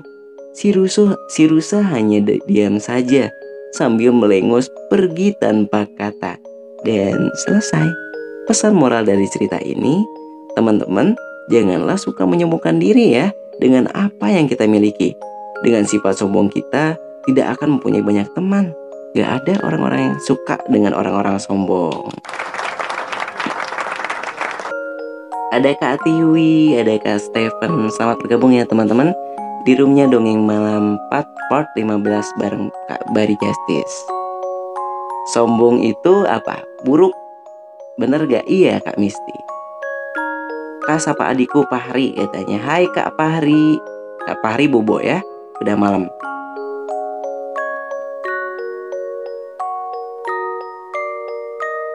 Terima kasih ya teman-teman atas support dari kalian. Terima kasih yang sudah fan MG serta DJ-nya ya. Kak dapat salam dari anak bangka katanya. Wah, Kak Raka terima kasih ya. Dikasih saweran sama Kak Raka. Barokallah mudah-mudahan Kak Raka rezekinya berlimpah. Besok mau ke sini lagi mau dengerin boleh. Kakak live itu tiap jam 10 ya teman-teman sebetulnya. Cuman karena sekarang tuh pengen tidur lebih awal, jadi live-nya tadi jam 9.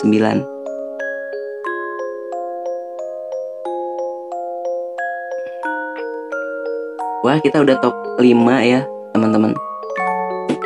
Hmm, Kita lanjut ceritanya. Selamat bobo, jangan bergadang. Besok hari Senin ya, teman-teman. Besok kalian harus sekolah, besok kalian harus bekerja, jangan bergadang. Nanti kalau bergadang tuh badan kalian tuh lemes.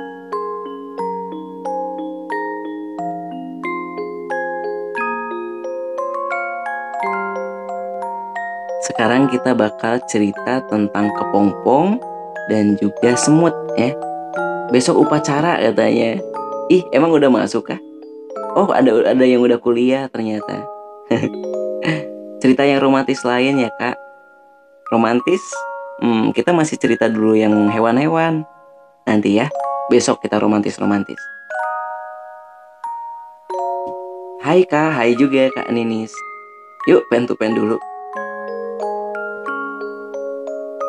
340. Yuk dibantu kakak buat menuju 18.000 fans ya teman-teman. Agar semakin semangat siarannya. Di sini yang stay baru 82 82 orang, lumayan banyak ya. Kakak bagus banget ceritanya. Iya dong. Assalamualaikum kakak. Waalaikumsalam. Dongeng kepompong dan semut sombong.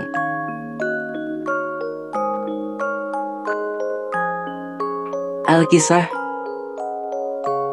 Pada zaman dahulu kala, di sebuah hutan belantara yang sangat lebat, tinggallah sekawanan hewan.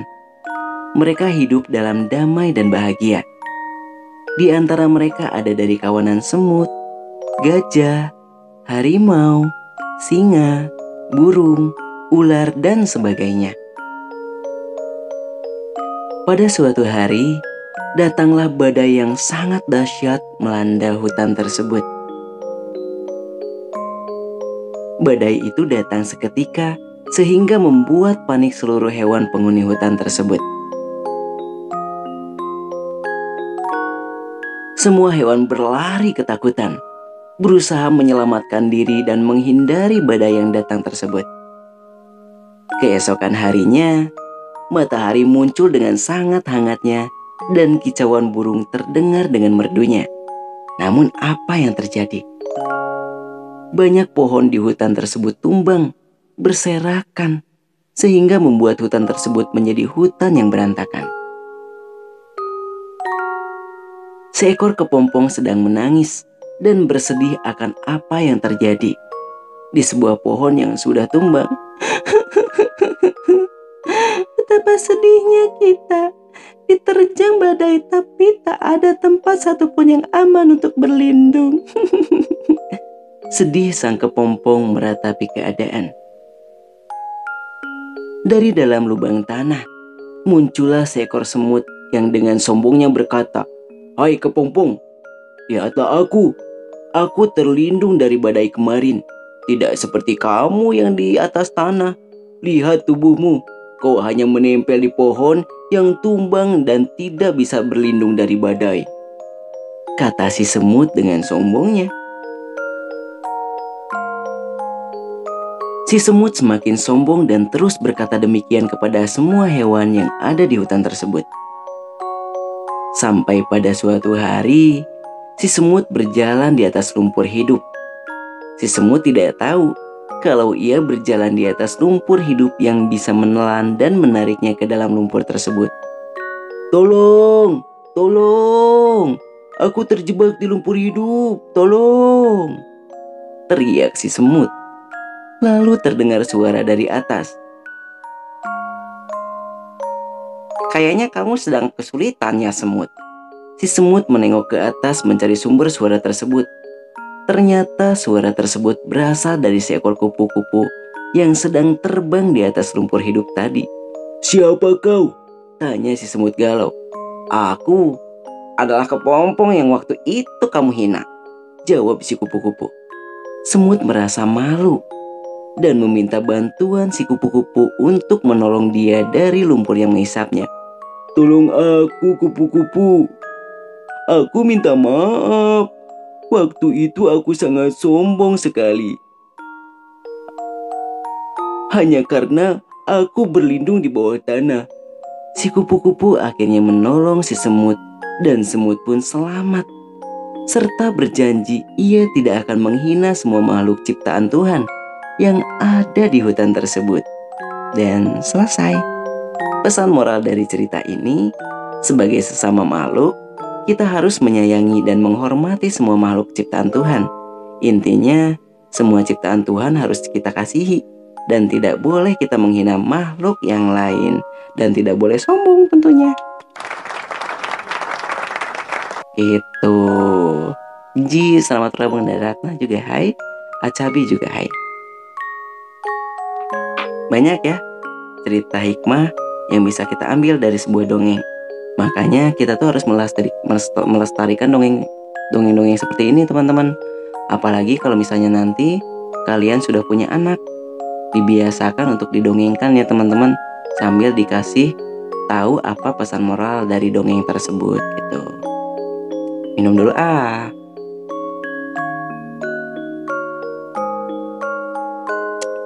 Yuk pento-pento sama MG-nya masih ada 3 MG KCAA, ada Kak Bir, ada Kak Sani, dan Kak Devi Anissa. Mereka konten-kontennya juga keren teman-teman. Tuh yang ada ijo-ijonya dibantu di fan yuk. Saya, saya. selamat tidur, selamat beristirahat, dan mudah-mudahan kalian bermimpi indah. Ya, Wih, tadi aku belum bisa tidur, kata Bianca. Kenapa belum bisa tidur atuh? Yuk tidur dulu. Salam kenal dari Kabari Justice yang sedang mengudara di kota Bogor. Mudah-mudahan kalian bisa nyaman di sini. Jangan lupa untuk pen to pen, ya. Kalau misalnya kalian suka dengan siaran ini, biar nanti kalian dapat notifikasi kalau misalnya Kak Bari siaran. Kak Bari siaran setiap malam jam 10 malam. Adit, ya ampun Adit telat loh masuk ke rumahnya Abari. Hei, makasih ya teman-teman yang udah nyawer di sini. Kakak tuh semangat kalau misalnya ada yang sawer. Yuk teplop dulu yuk. Hitungan ketiga harus ada lope-lope yang ber, berterbangan. Wah, lope-lope. Tuh kan bagus kan ada yang terbang-terbang. Kalian bisa ngasih lope-lope tersebut kalau misalnya kalian udah nunggu satu menit teman-teman. Dongeng lagi kak katanya. Mau lanjut tidur, tadi enak dongengnya bikin cepet tidur. Ya udah bian kak. Bobo ya. Kita lanjut dongengnya. Kita masih dongeng hewan ya teman-teman ya.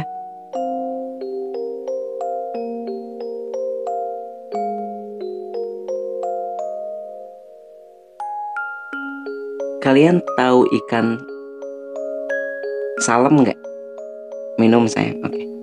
Keinget waktu kecil. Ini kita bakal baca kisah ikan salem. Enggak, kata Amoy. Alkisah zaman dahulu kala. Hiduplah sekelompok ikan salem di lautan lepas. Ikan salem hidup berkelompok dan mencari makan di laut lepas bersama-sama.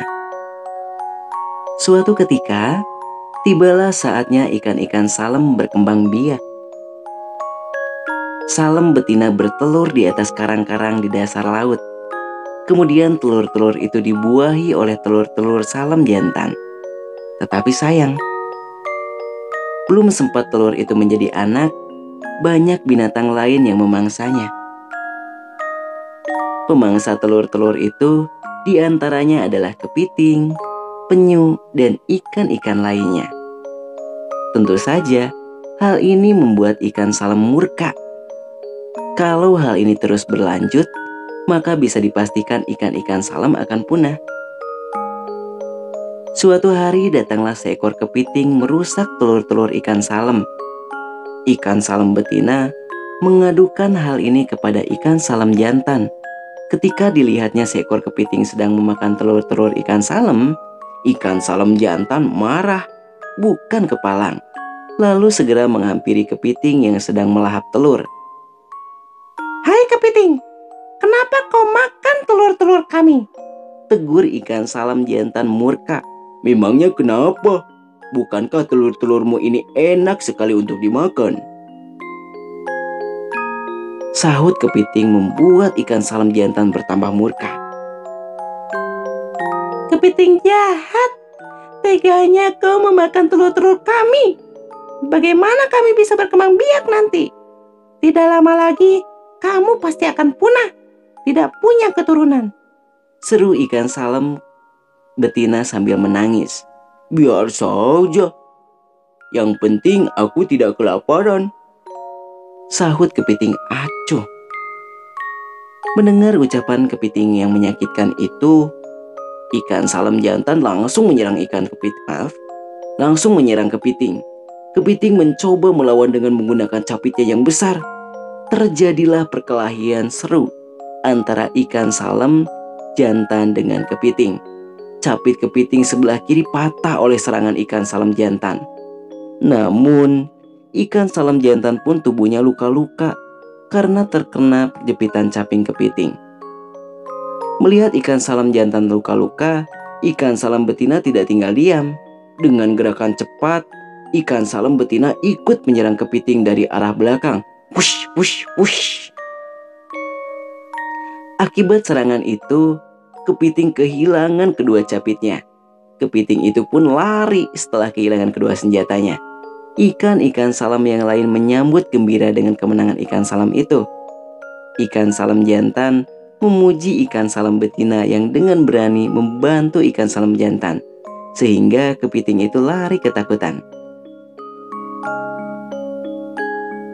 Ikan salam kembali hidup dengan tenang. Setelah kejadian itu, kepiting tidak pernah muncul lagi, mengganggu telur-telur ikan salam. Tetapi, ketentraman ikan-ikan salam tidak berlangsung lama, karena sekelompok udang raksasa telah mengintai telur-telur mereka di malam hari. Keadaan itu tentu saja membuat ikan-ikan salam gelisah kembali. Sebab, bagaimana mungkin mereka dapat melawan udang-udang raksasa itu, sedangkan udang-udang raksasa itu selalu beraksi di malam hari. Di saat ikan-ikan salam sedang tertidur lelap. Untuk memecahkan masalah itu, ikan-ikan salam berunding. Aku mempunyai usul. Ujar salah satu ikan salam jantan. Ya, bagaimana usulmu kawan? Tanpa tanya ikan salam jantan lainnya. Begini, bagaimana kalau mulai malam nanti kita semua tidak tidur? Kita semua berjaga-jaga untuk melawan udang raksasa. Seru ikan salam itu. Bukankah kita sudah lelah seharian mencari makan? Mana mungkin kita kuat tidak tidur semalaman? Sedangkan esok, hari kita sudah mencari makan lagi. Ujar ikan salam betina merasa keberatan. Betul, betul, betul, betul. Ujar ikan salam betina lainnya. Baik, begini saja. Bagaimana kalau ikan salam jantan saja yang berjaga bergantian? Sedangkan ikan salam betina tidak usah berjaga. Namun bila ada udang raksasa datang menyerang, kita semua harus bangun untuk melawannya bersama-sama. Bagaimana? Setuju semuanya? Usul ikan salam yang paling besar. Setuju. Akhirnya mereka pun sepakat dengan keputusan tersebut. Hari menjelang sore. Matahari sudah tenggelam di ufuk barat. Ikan-ikan salam terlihat sedang beristirahat karena kelelahan. Tiba saatnya ikan-ikan salam jantan bergantian jaga malam untuk melindungi telur-telur dari serangan udang raksasa. Hingga hari menjelang malam, keadaan sepi-sepi saja, tidak nampak seekor binatang lain yang mengganggu. Hai kawan, bangunlah. Ini giliran kamu yang berjaga. Bisik salah satu ikan salam yang sudah mengantuk. Apa? Sakut sahut ikan salam yang baru saja terbangun. Baiklah, sekarang giliranku untuk berjaga. Silakan kamu beristirahat. Baiklah, baiklah. Aku lelah sekali. Berhati-hatilah ya kamu. Kalau ada kejadian, cepat bangunkan teman-teman yang lain. Pesan ikut ikan salam tersebut. Tak lama kemudian ikan salam itu tertidur. Giliran ikan salam yang baru terbangun itu berjaga. Matanya yang masih lekat itu memandang telur-telur yang ada di atas karang. Kelihatannya aman tidak ada apa-apa, pikirnya dengan hati agak tenang. Namun beberapa saat kemudian tiba-tiba datang sekawanan udang raksasa dari arah selatan. Udang-udang raksasa itu sengaja datang di tengah malam untuk memakan telur-telur ikan salam.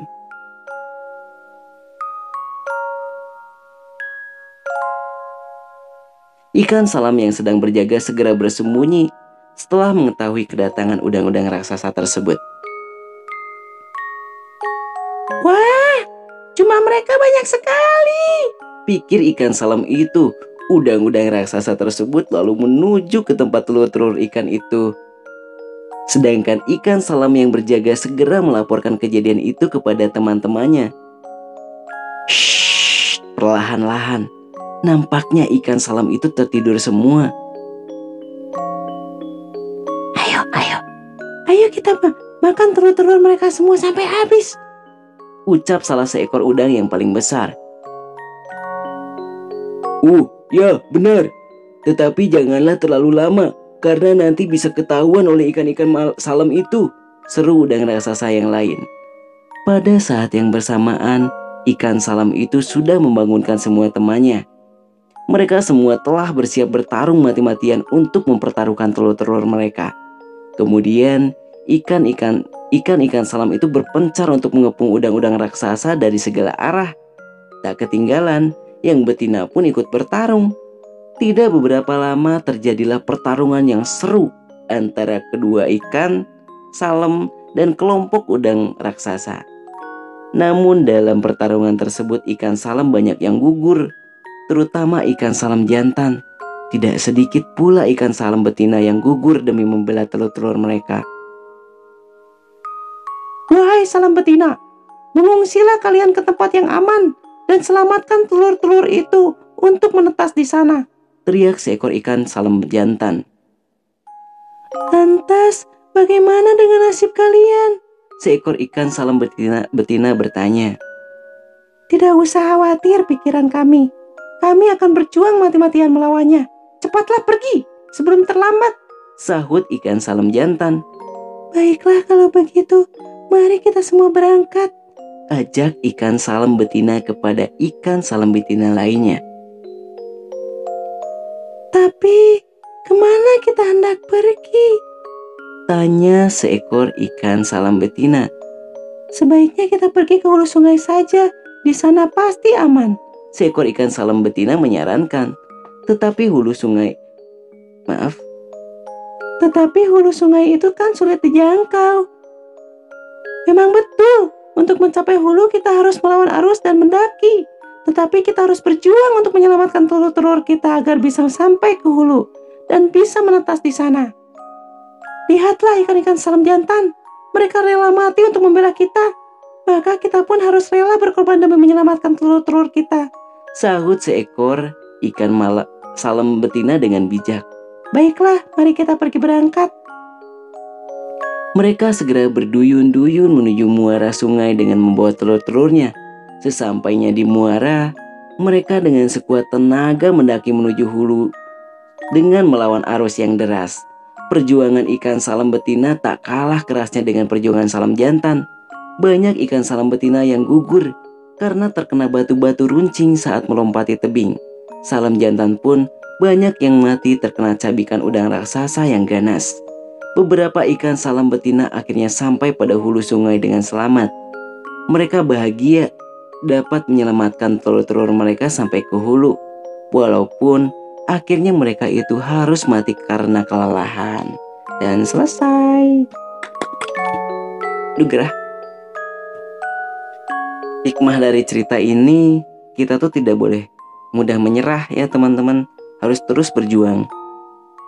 Jangan jadi orang-orang yang pantang istilahnya mudah menyerah dalam mengejar sesuatu, apalagi kalau misalnya kita punya cita-cita. Kakak kreatif banget suaranya bisa berubah-ubah katanya ya. Sambil hiburan teman-teman. Sebentar ya, kakak minum dulu teman-teman. Ih, kita top 3 loh teman-teman. Masya Allah, terima kasih ya support dari kalian. Kak Sani boleh di, di screenshot dulu Kak Sani.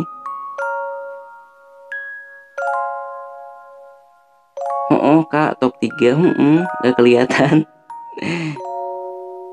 Sebentar ya kakak siapin minum dulu teman-teman. Eh, kakak puterin satu buah lagu dulu ya. Soalnya minum kakak udah habis. Hmm.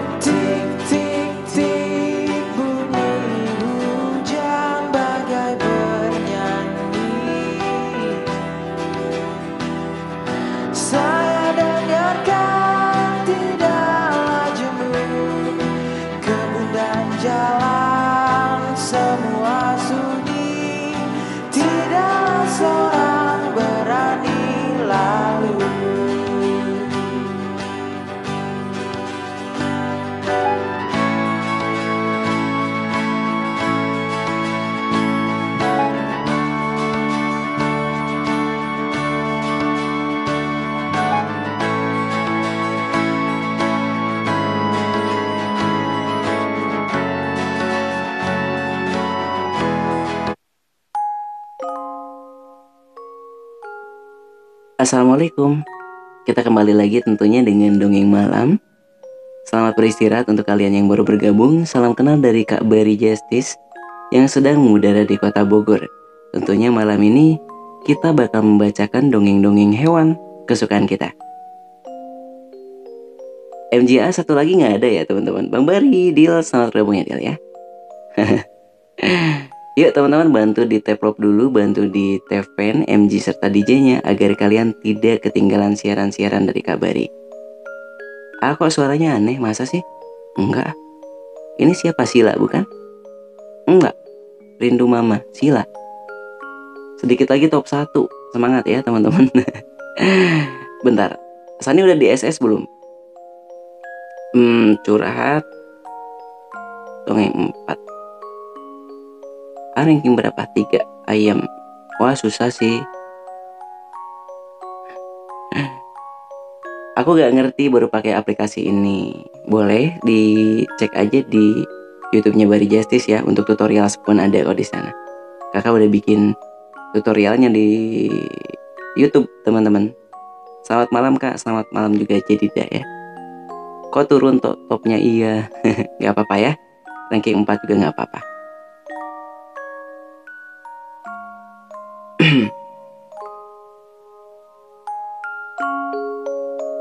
Kita lanjut lagi dongengnya.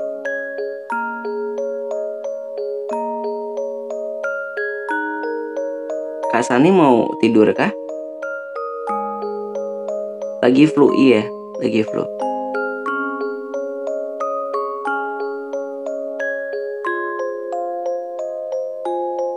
Kakak mau ceritain tentang kisah ikan emas ajaib. Wah, udah lama ya ke bawah ini.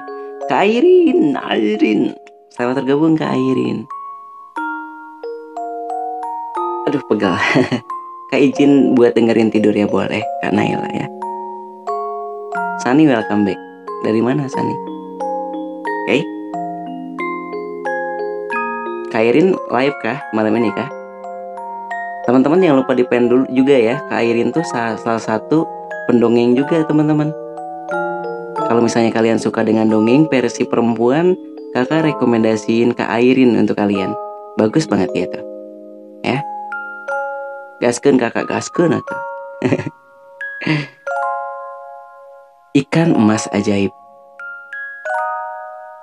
Alkisah pada zaman dahulu kala di sebuah pulau tinggallah sepasang kakek dan nenek yang sangat miskin. Pekerjaan si kakek adalah mencari ikan di laut.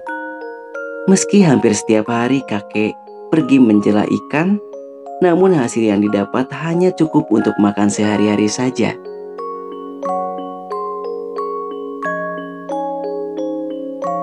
Suatu hari, ketika si kakek sedang menjela ikan, tiba-tiba jalannya terasa sangat berat. Seperti ada ikan raksasa yang terperangkap di dalamnya. Ah, pasti ini ikan sangat besar. Pikir si kakek. Dengan sekuat tenaga, si kakek menarik jalannya. Namun ternyata tidak ada apa-apa, kecuali seekor ikan kecil yang tersangkut di jalannya. Rupanya, ikan kecil ini bukan ikan biasa. Badannya berkilau seperti emas dan bisa berbicara seperti layaknya manusia. Kakek, kakek, tolong lepaskan aku. Aku akan mengabulkan semua permintaanmu, kek. Kata ikan emas tersebut. Si kakek berpikir sejenak. Lalu katanya, Ah, aku tidak memerlukan apa pun darimu. Tapi aku akan melepaskanmu. Pergilah. kakek melepaskan ikan emas itu kembali ke laut. Lalu dia pun kembali pulang. Sesampainya di rumah, nenek menanyakan hasil tangkapan kakek. Hari ini aku hanya mendapatkan satu ekor ikan emas. Dan itu pun sudah aku lepaskan.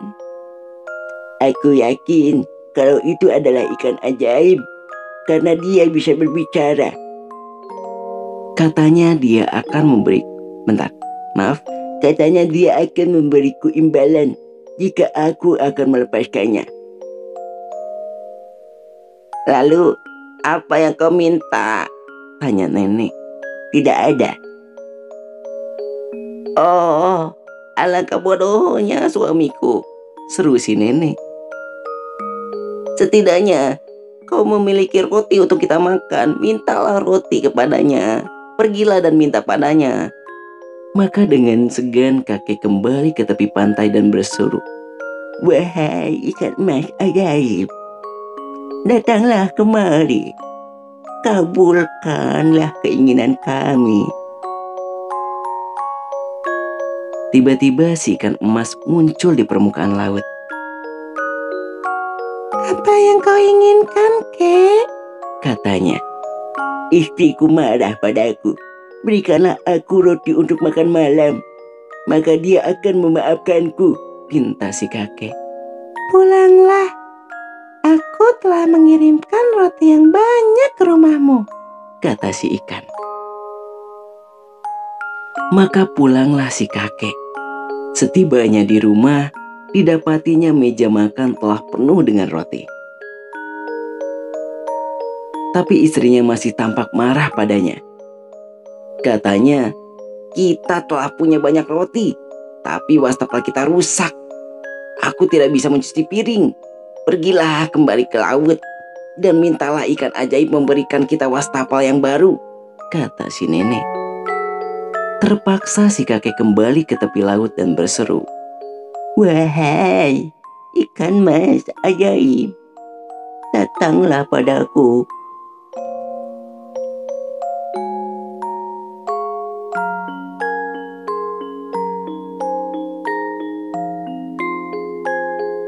Kabulkanlah keinginan kami ikan. Dalam sekejap ikan mas itu muncul di hadapan kakek.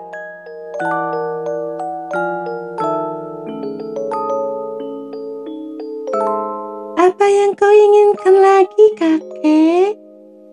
Buat aku akan mengabulkannya.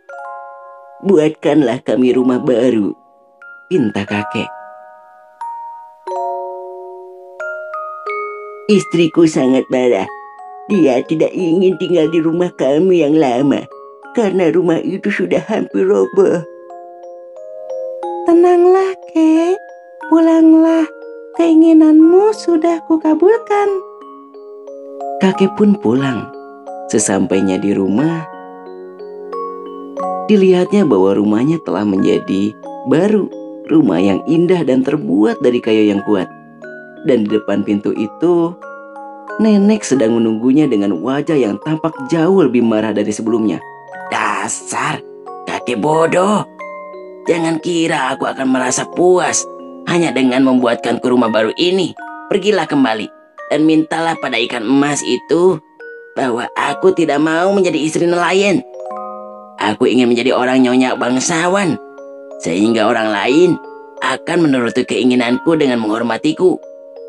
Untuk sekian kalinya, si kakek kembali ke tepi laut dan berseru. Wahai ikan emas ajaib. Datanglah kemari. Kabulkanlah keinginan kakek. Dalam sekejap, ikan emas itu muncul di hadapan si kakek. Apalagi yang kau inginkan, kakek? Istriku, dia tidak ti- ti- tidak bisa membuatku tenang. Dia bahkan semakin marah. Katanya, dia sudah lelah menjadi istri nelayan dan ingin menjadi nyonya bangsawan. Pinta kakek. Baiklah, pulanglah. Keinginanmu sudah dikabulkan. kata ikan emas. Alangkah terkejutnya si kakek. Ketika kembali ternyata kini rumahnya telah berubah menjadi sebuah rumah yang megah. Terbuat dari batu yang kuat, tiga lantai tingginya, dengan banyak sekali pelayan di dalamnya. Si kakek melihat istrinya sedang duduk di sebuah kursi tinggi sibuk memberi perintah kepada para pelayan. Halo istriku, Sapa si kakek, betapa tidak sopannya. kata si nenek. Berani sekali kau mengaku sebagai istriku, eh, sebagai suamiku. Pelayan, bawa dia ke gudang dan beri dia 40 cambukan. Segera saja, beberapa pelayan menyeret si kakek ke gudang dan mencabuknya sampai si kakek hampir tidak bisa berdiri. Hari berikutnya, istrinya memerintahkan kakek untuk bekerja sebagai tukang kebun. Tugasnya adalah menyapu halaman dan merawat kebun. Dasar perempuan jahat. Pikir si kakek. Aku sudah memberikan dia keberuntungan. Tapi dia bahkan tidak mau mengakuiku sebagai suaminya. Lama-kelamaan, si nenek bosan menjadi nyonya bangsawan. Maka ia dia kembali memanggil si kakek. Hei lelaki tua, pergilah kembali kepada si ikan emasmu dan katakan ini padanya. Aku tidak mau lagi menjadi nyonya bangsawan. Aku mau menjadi ratu. Maka kembalilah si kakek ke tepi laut dan berseru. Wahai ikan emas, datanglah kemari. Kabulkanlah keinginan kakek. Dalam sekejap, ikan emas itu muncul di hadapan si kakek. Apa yang kau inginkan lagi, kakek? Istriku semakin keterlaluan. Dia tidak ingin lagi menjadi nyonya bangsawan, tapi dia ingin menjadi ratu. Baiklah, pulanglah ke rumah. keinginanmu sudah dikabulkan. kata ikan mas. Sesampainya kakek di tempat dulu rumahnya berdiri, kini tampak olehnya sebuah istana beratap emas dengan para penjaga berlalu lalang.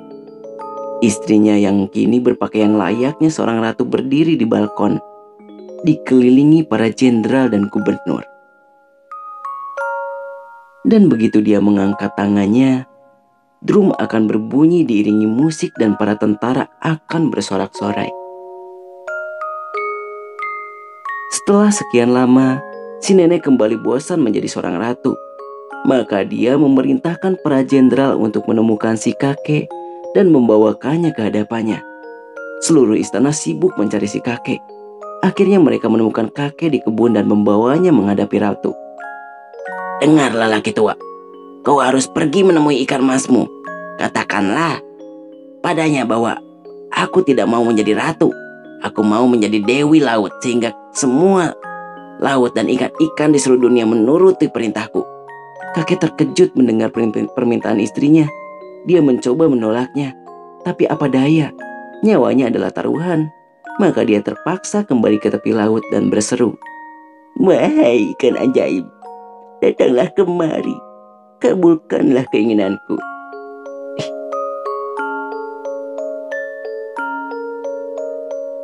Kali ini ikan emas tidak muncul di hadapannya. Kakek mencoba memanggilnya lagi, namun si ikan emas tetap tidak mau muncul di hadapannya. Dia mencoba memanggil untuk ketiga kalinya. Tiba-tiba laut mulai bergejolak dan bergemuruh. Dan ketika mulai mereda, muncullah si ikan emas. Apa yang kau inginkan lagi, kakek? Istriku benar-benar menjadi gila.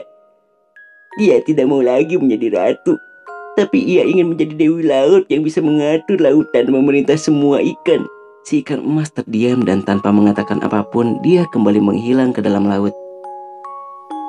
Si kakek pun terpaksa kembali pulang. Dia hampir tidak percaya pada penglihatan ketika menyadari bahwa istana yang megah dan semua isinya telah hilang. Kini di tempat itu berdiri sebuah gubuk reyot yang dulu ditinggalinya, dan di dalamnya duduklah si nenek dengan pakaian yang compang-camping. Mereka kembali hidup seperti dulu. Kakek kembali melaut, namun seberapa kerasnya pun dia bekerja, hasil yang didapatnya hanya cukup untuk makan sehari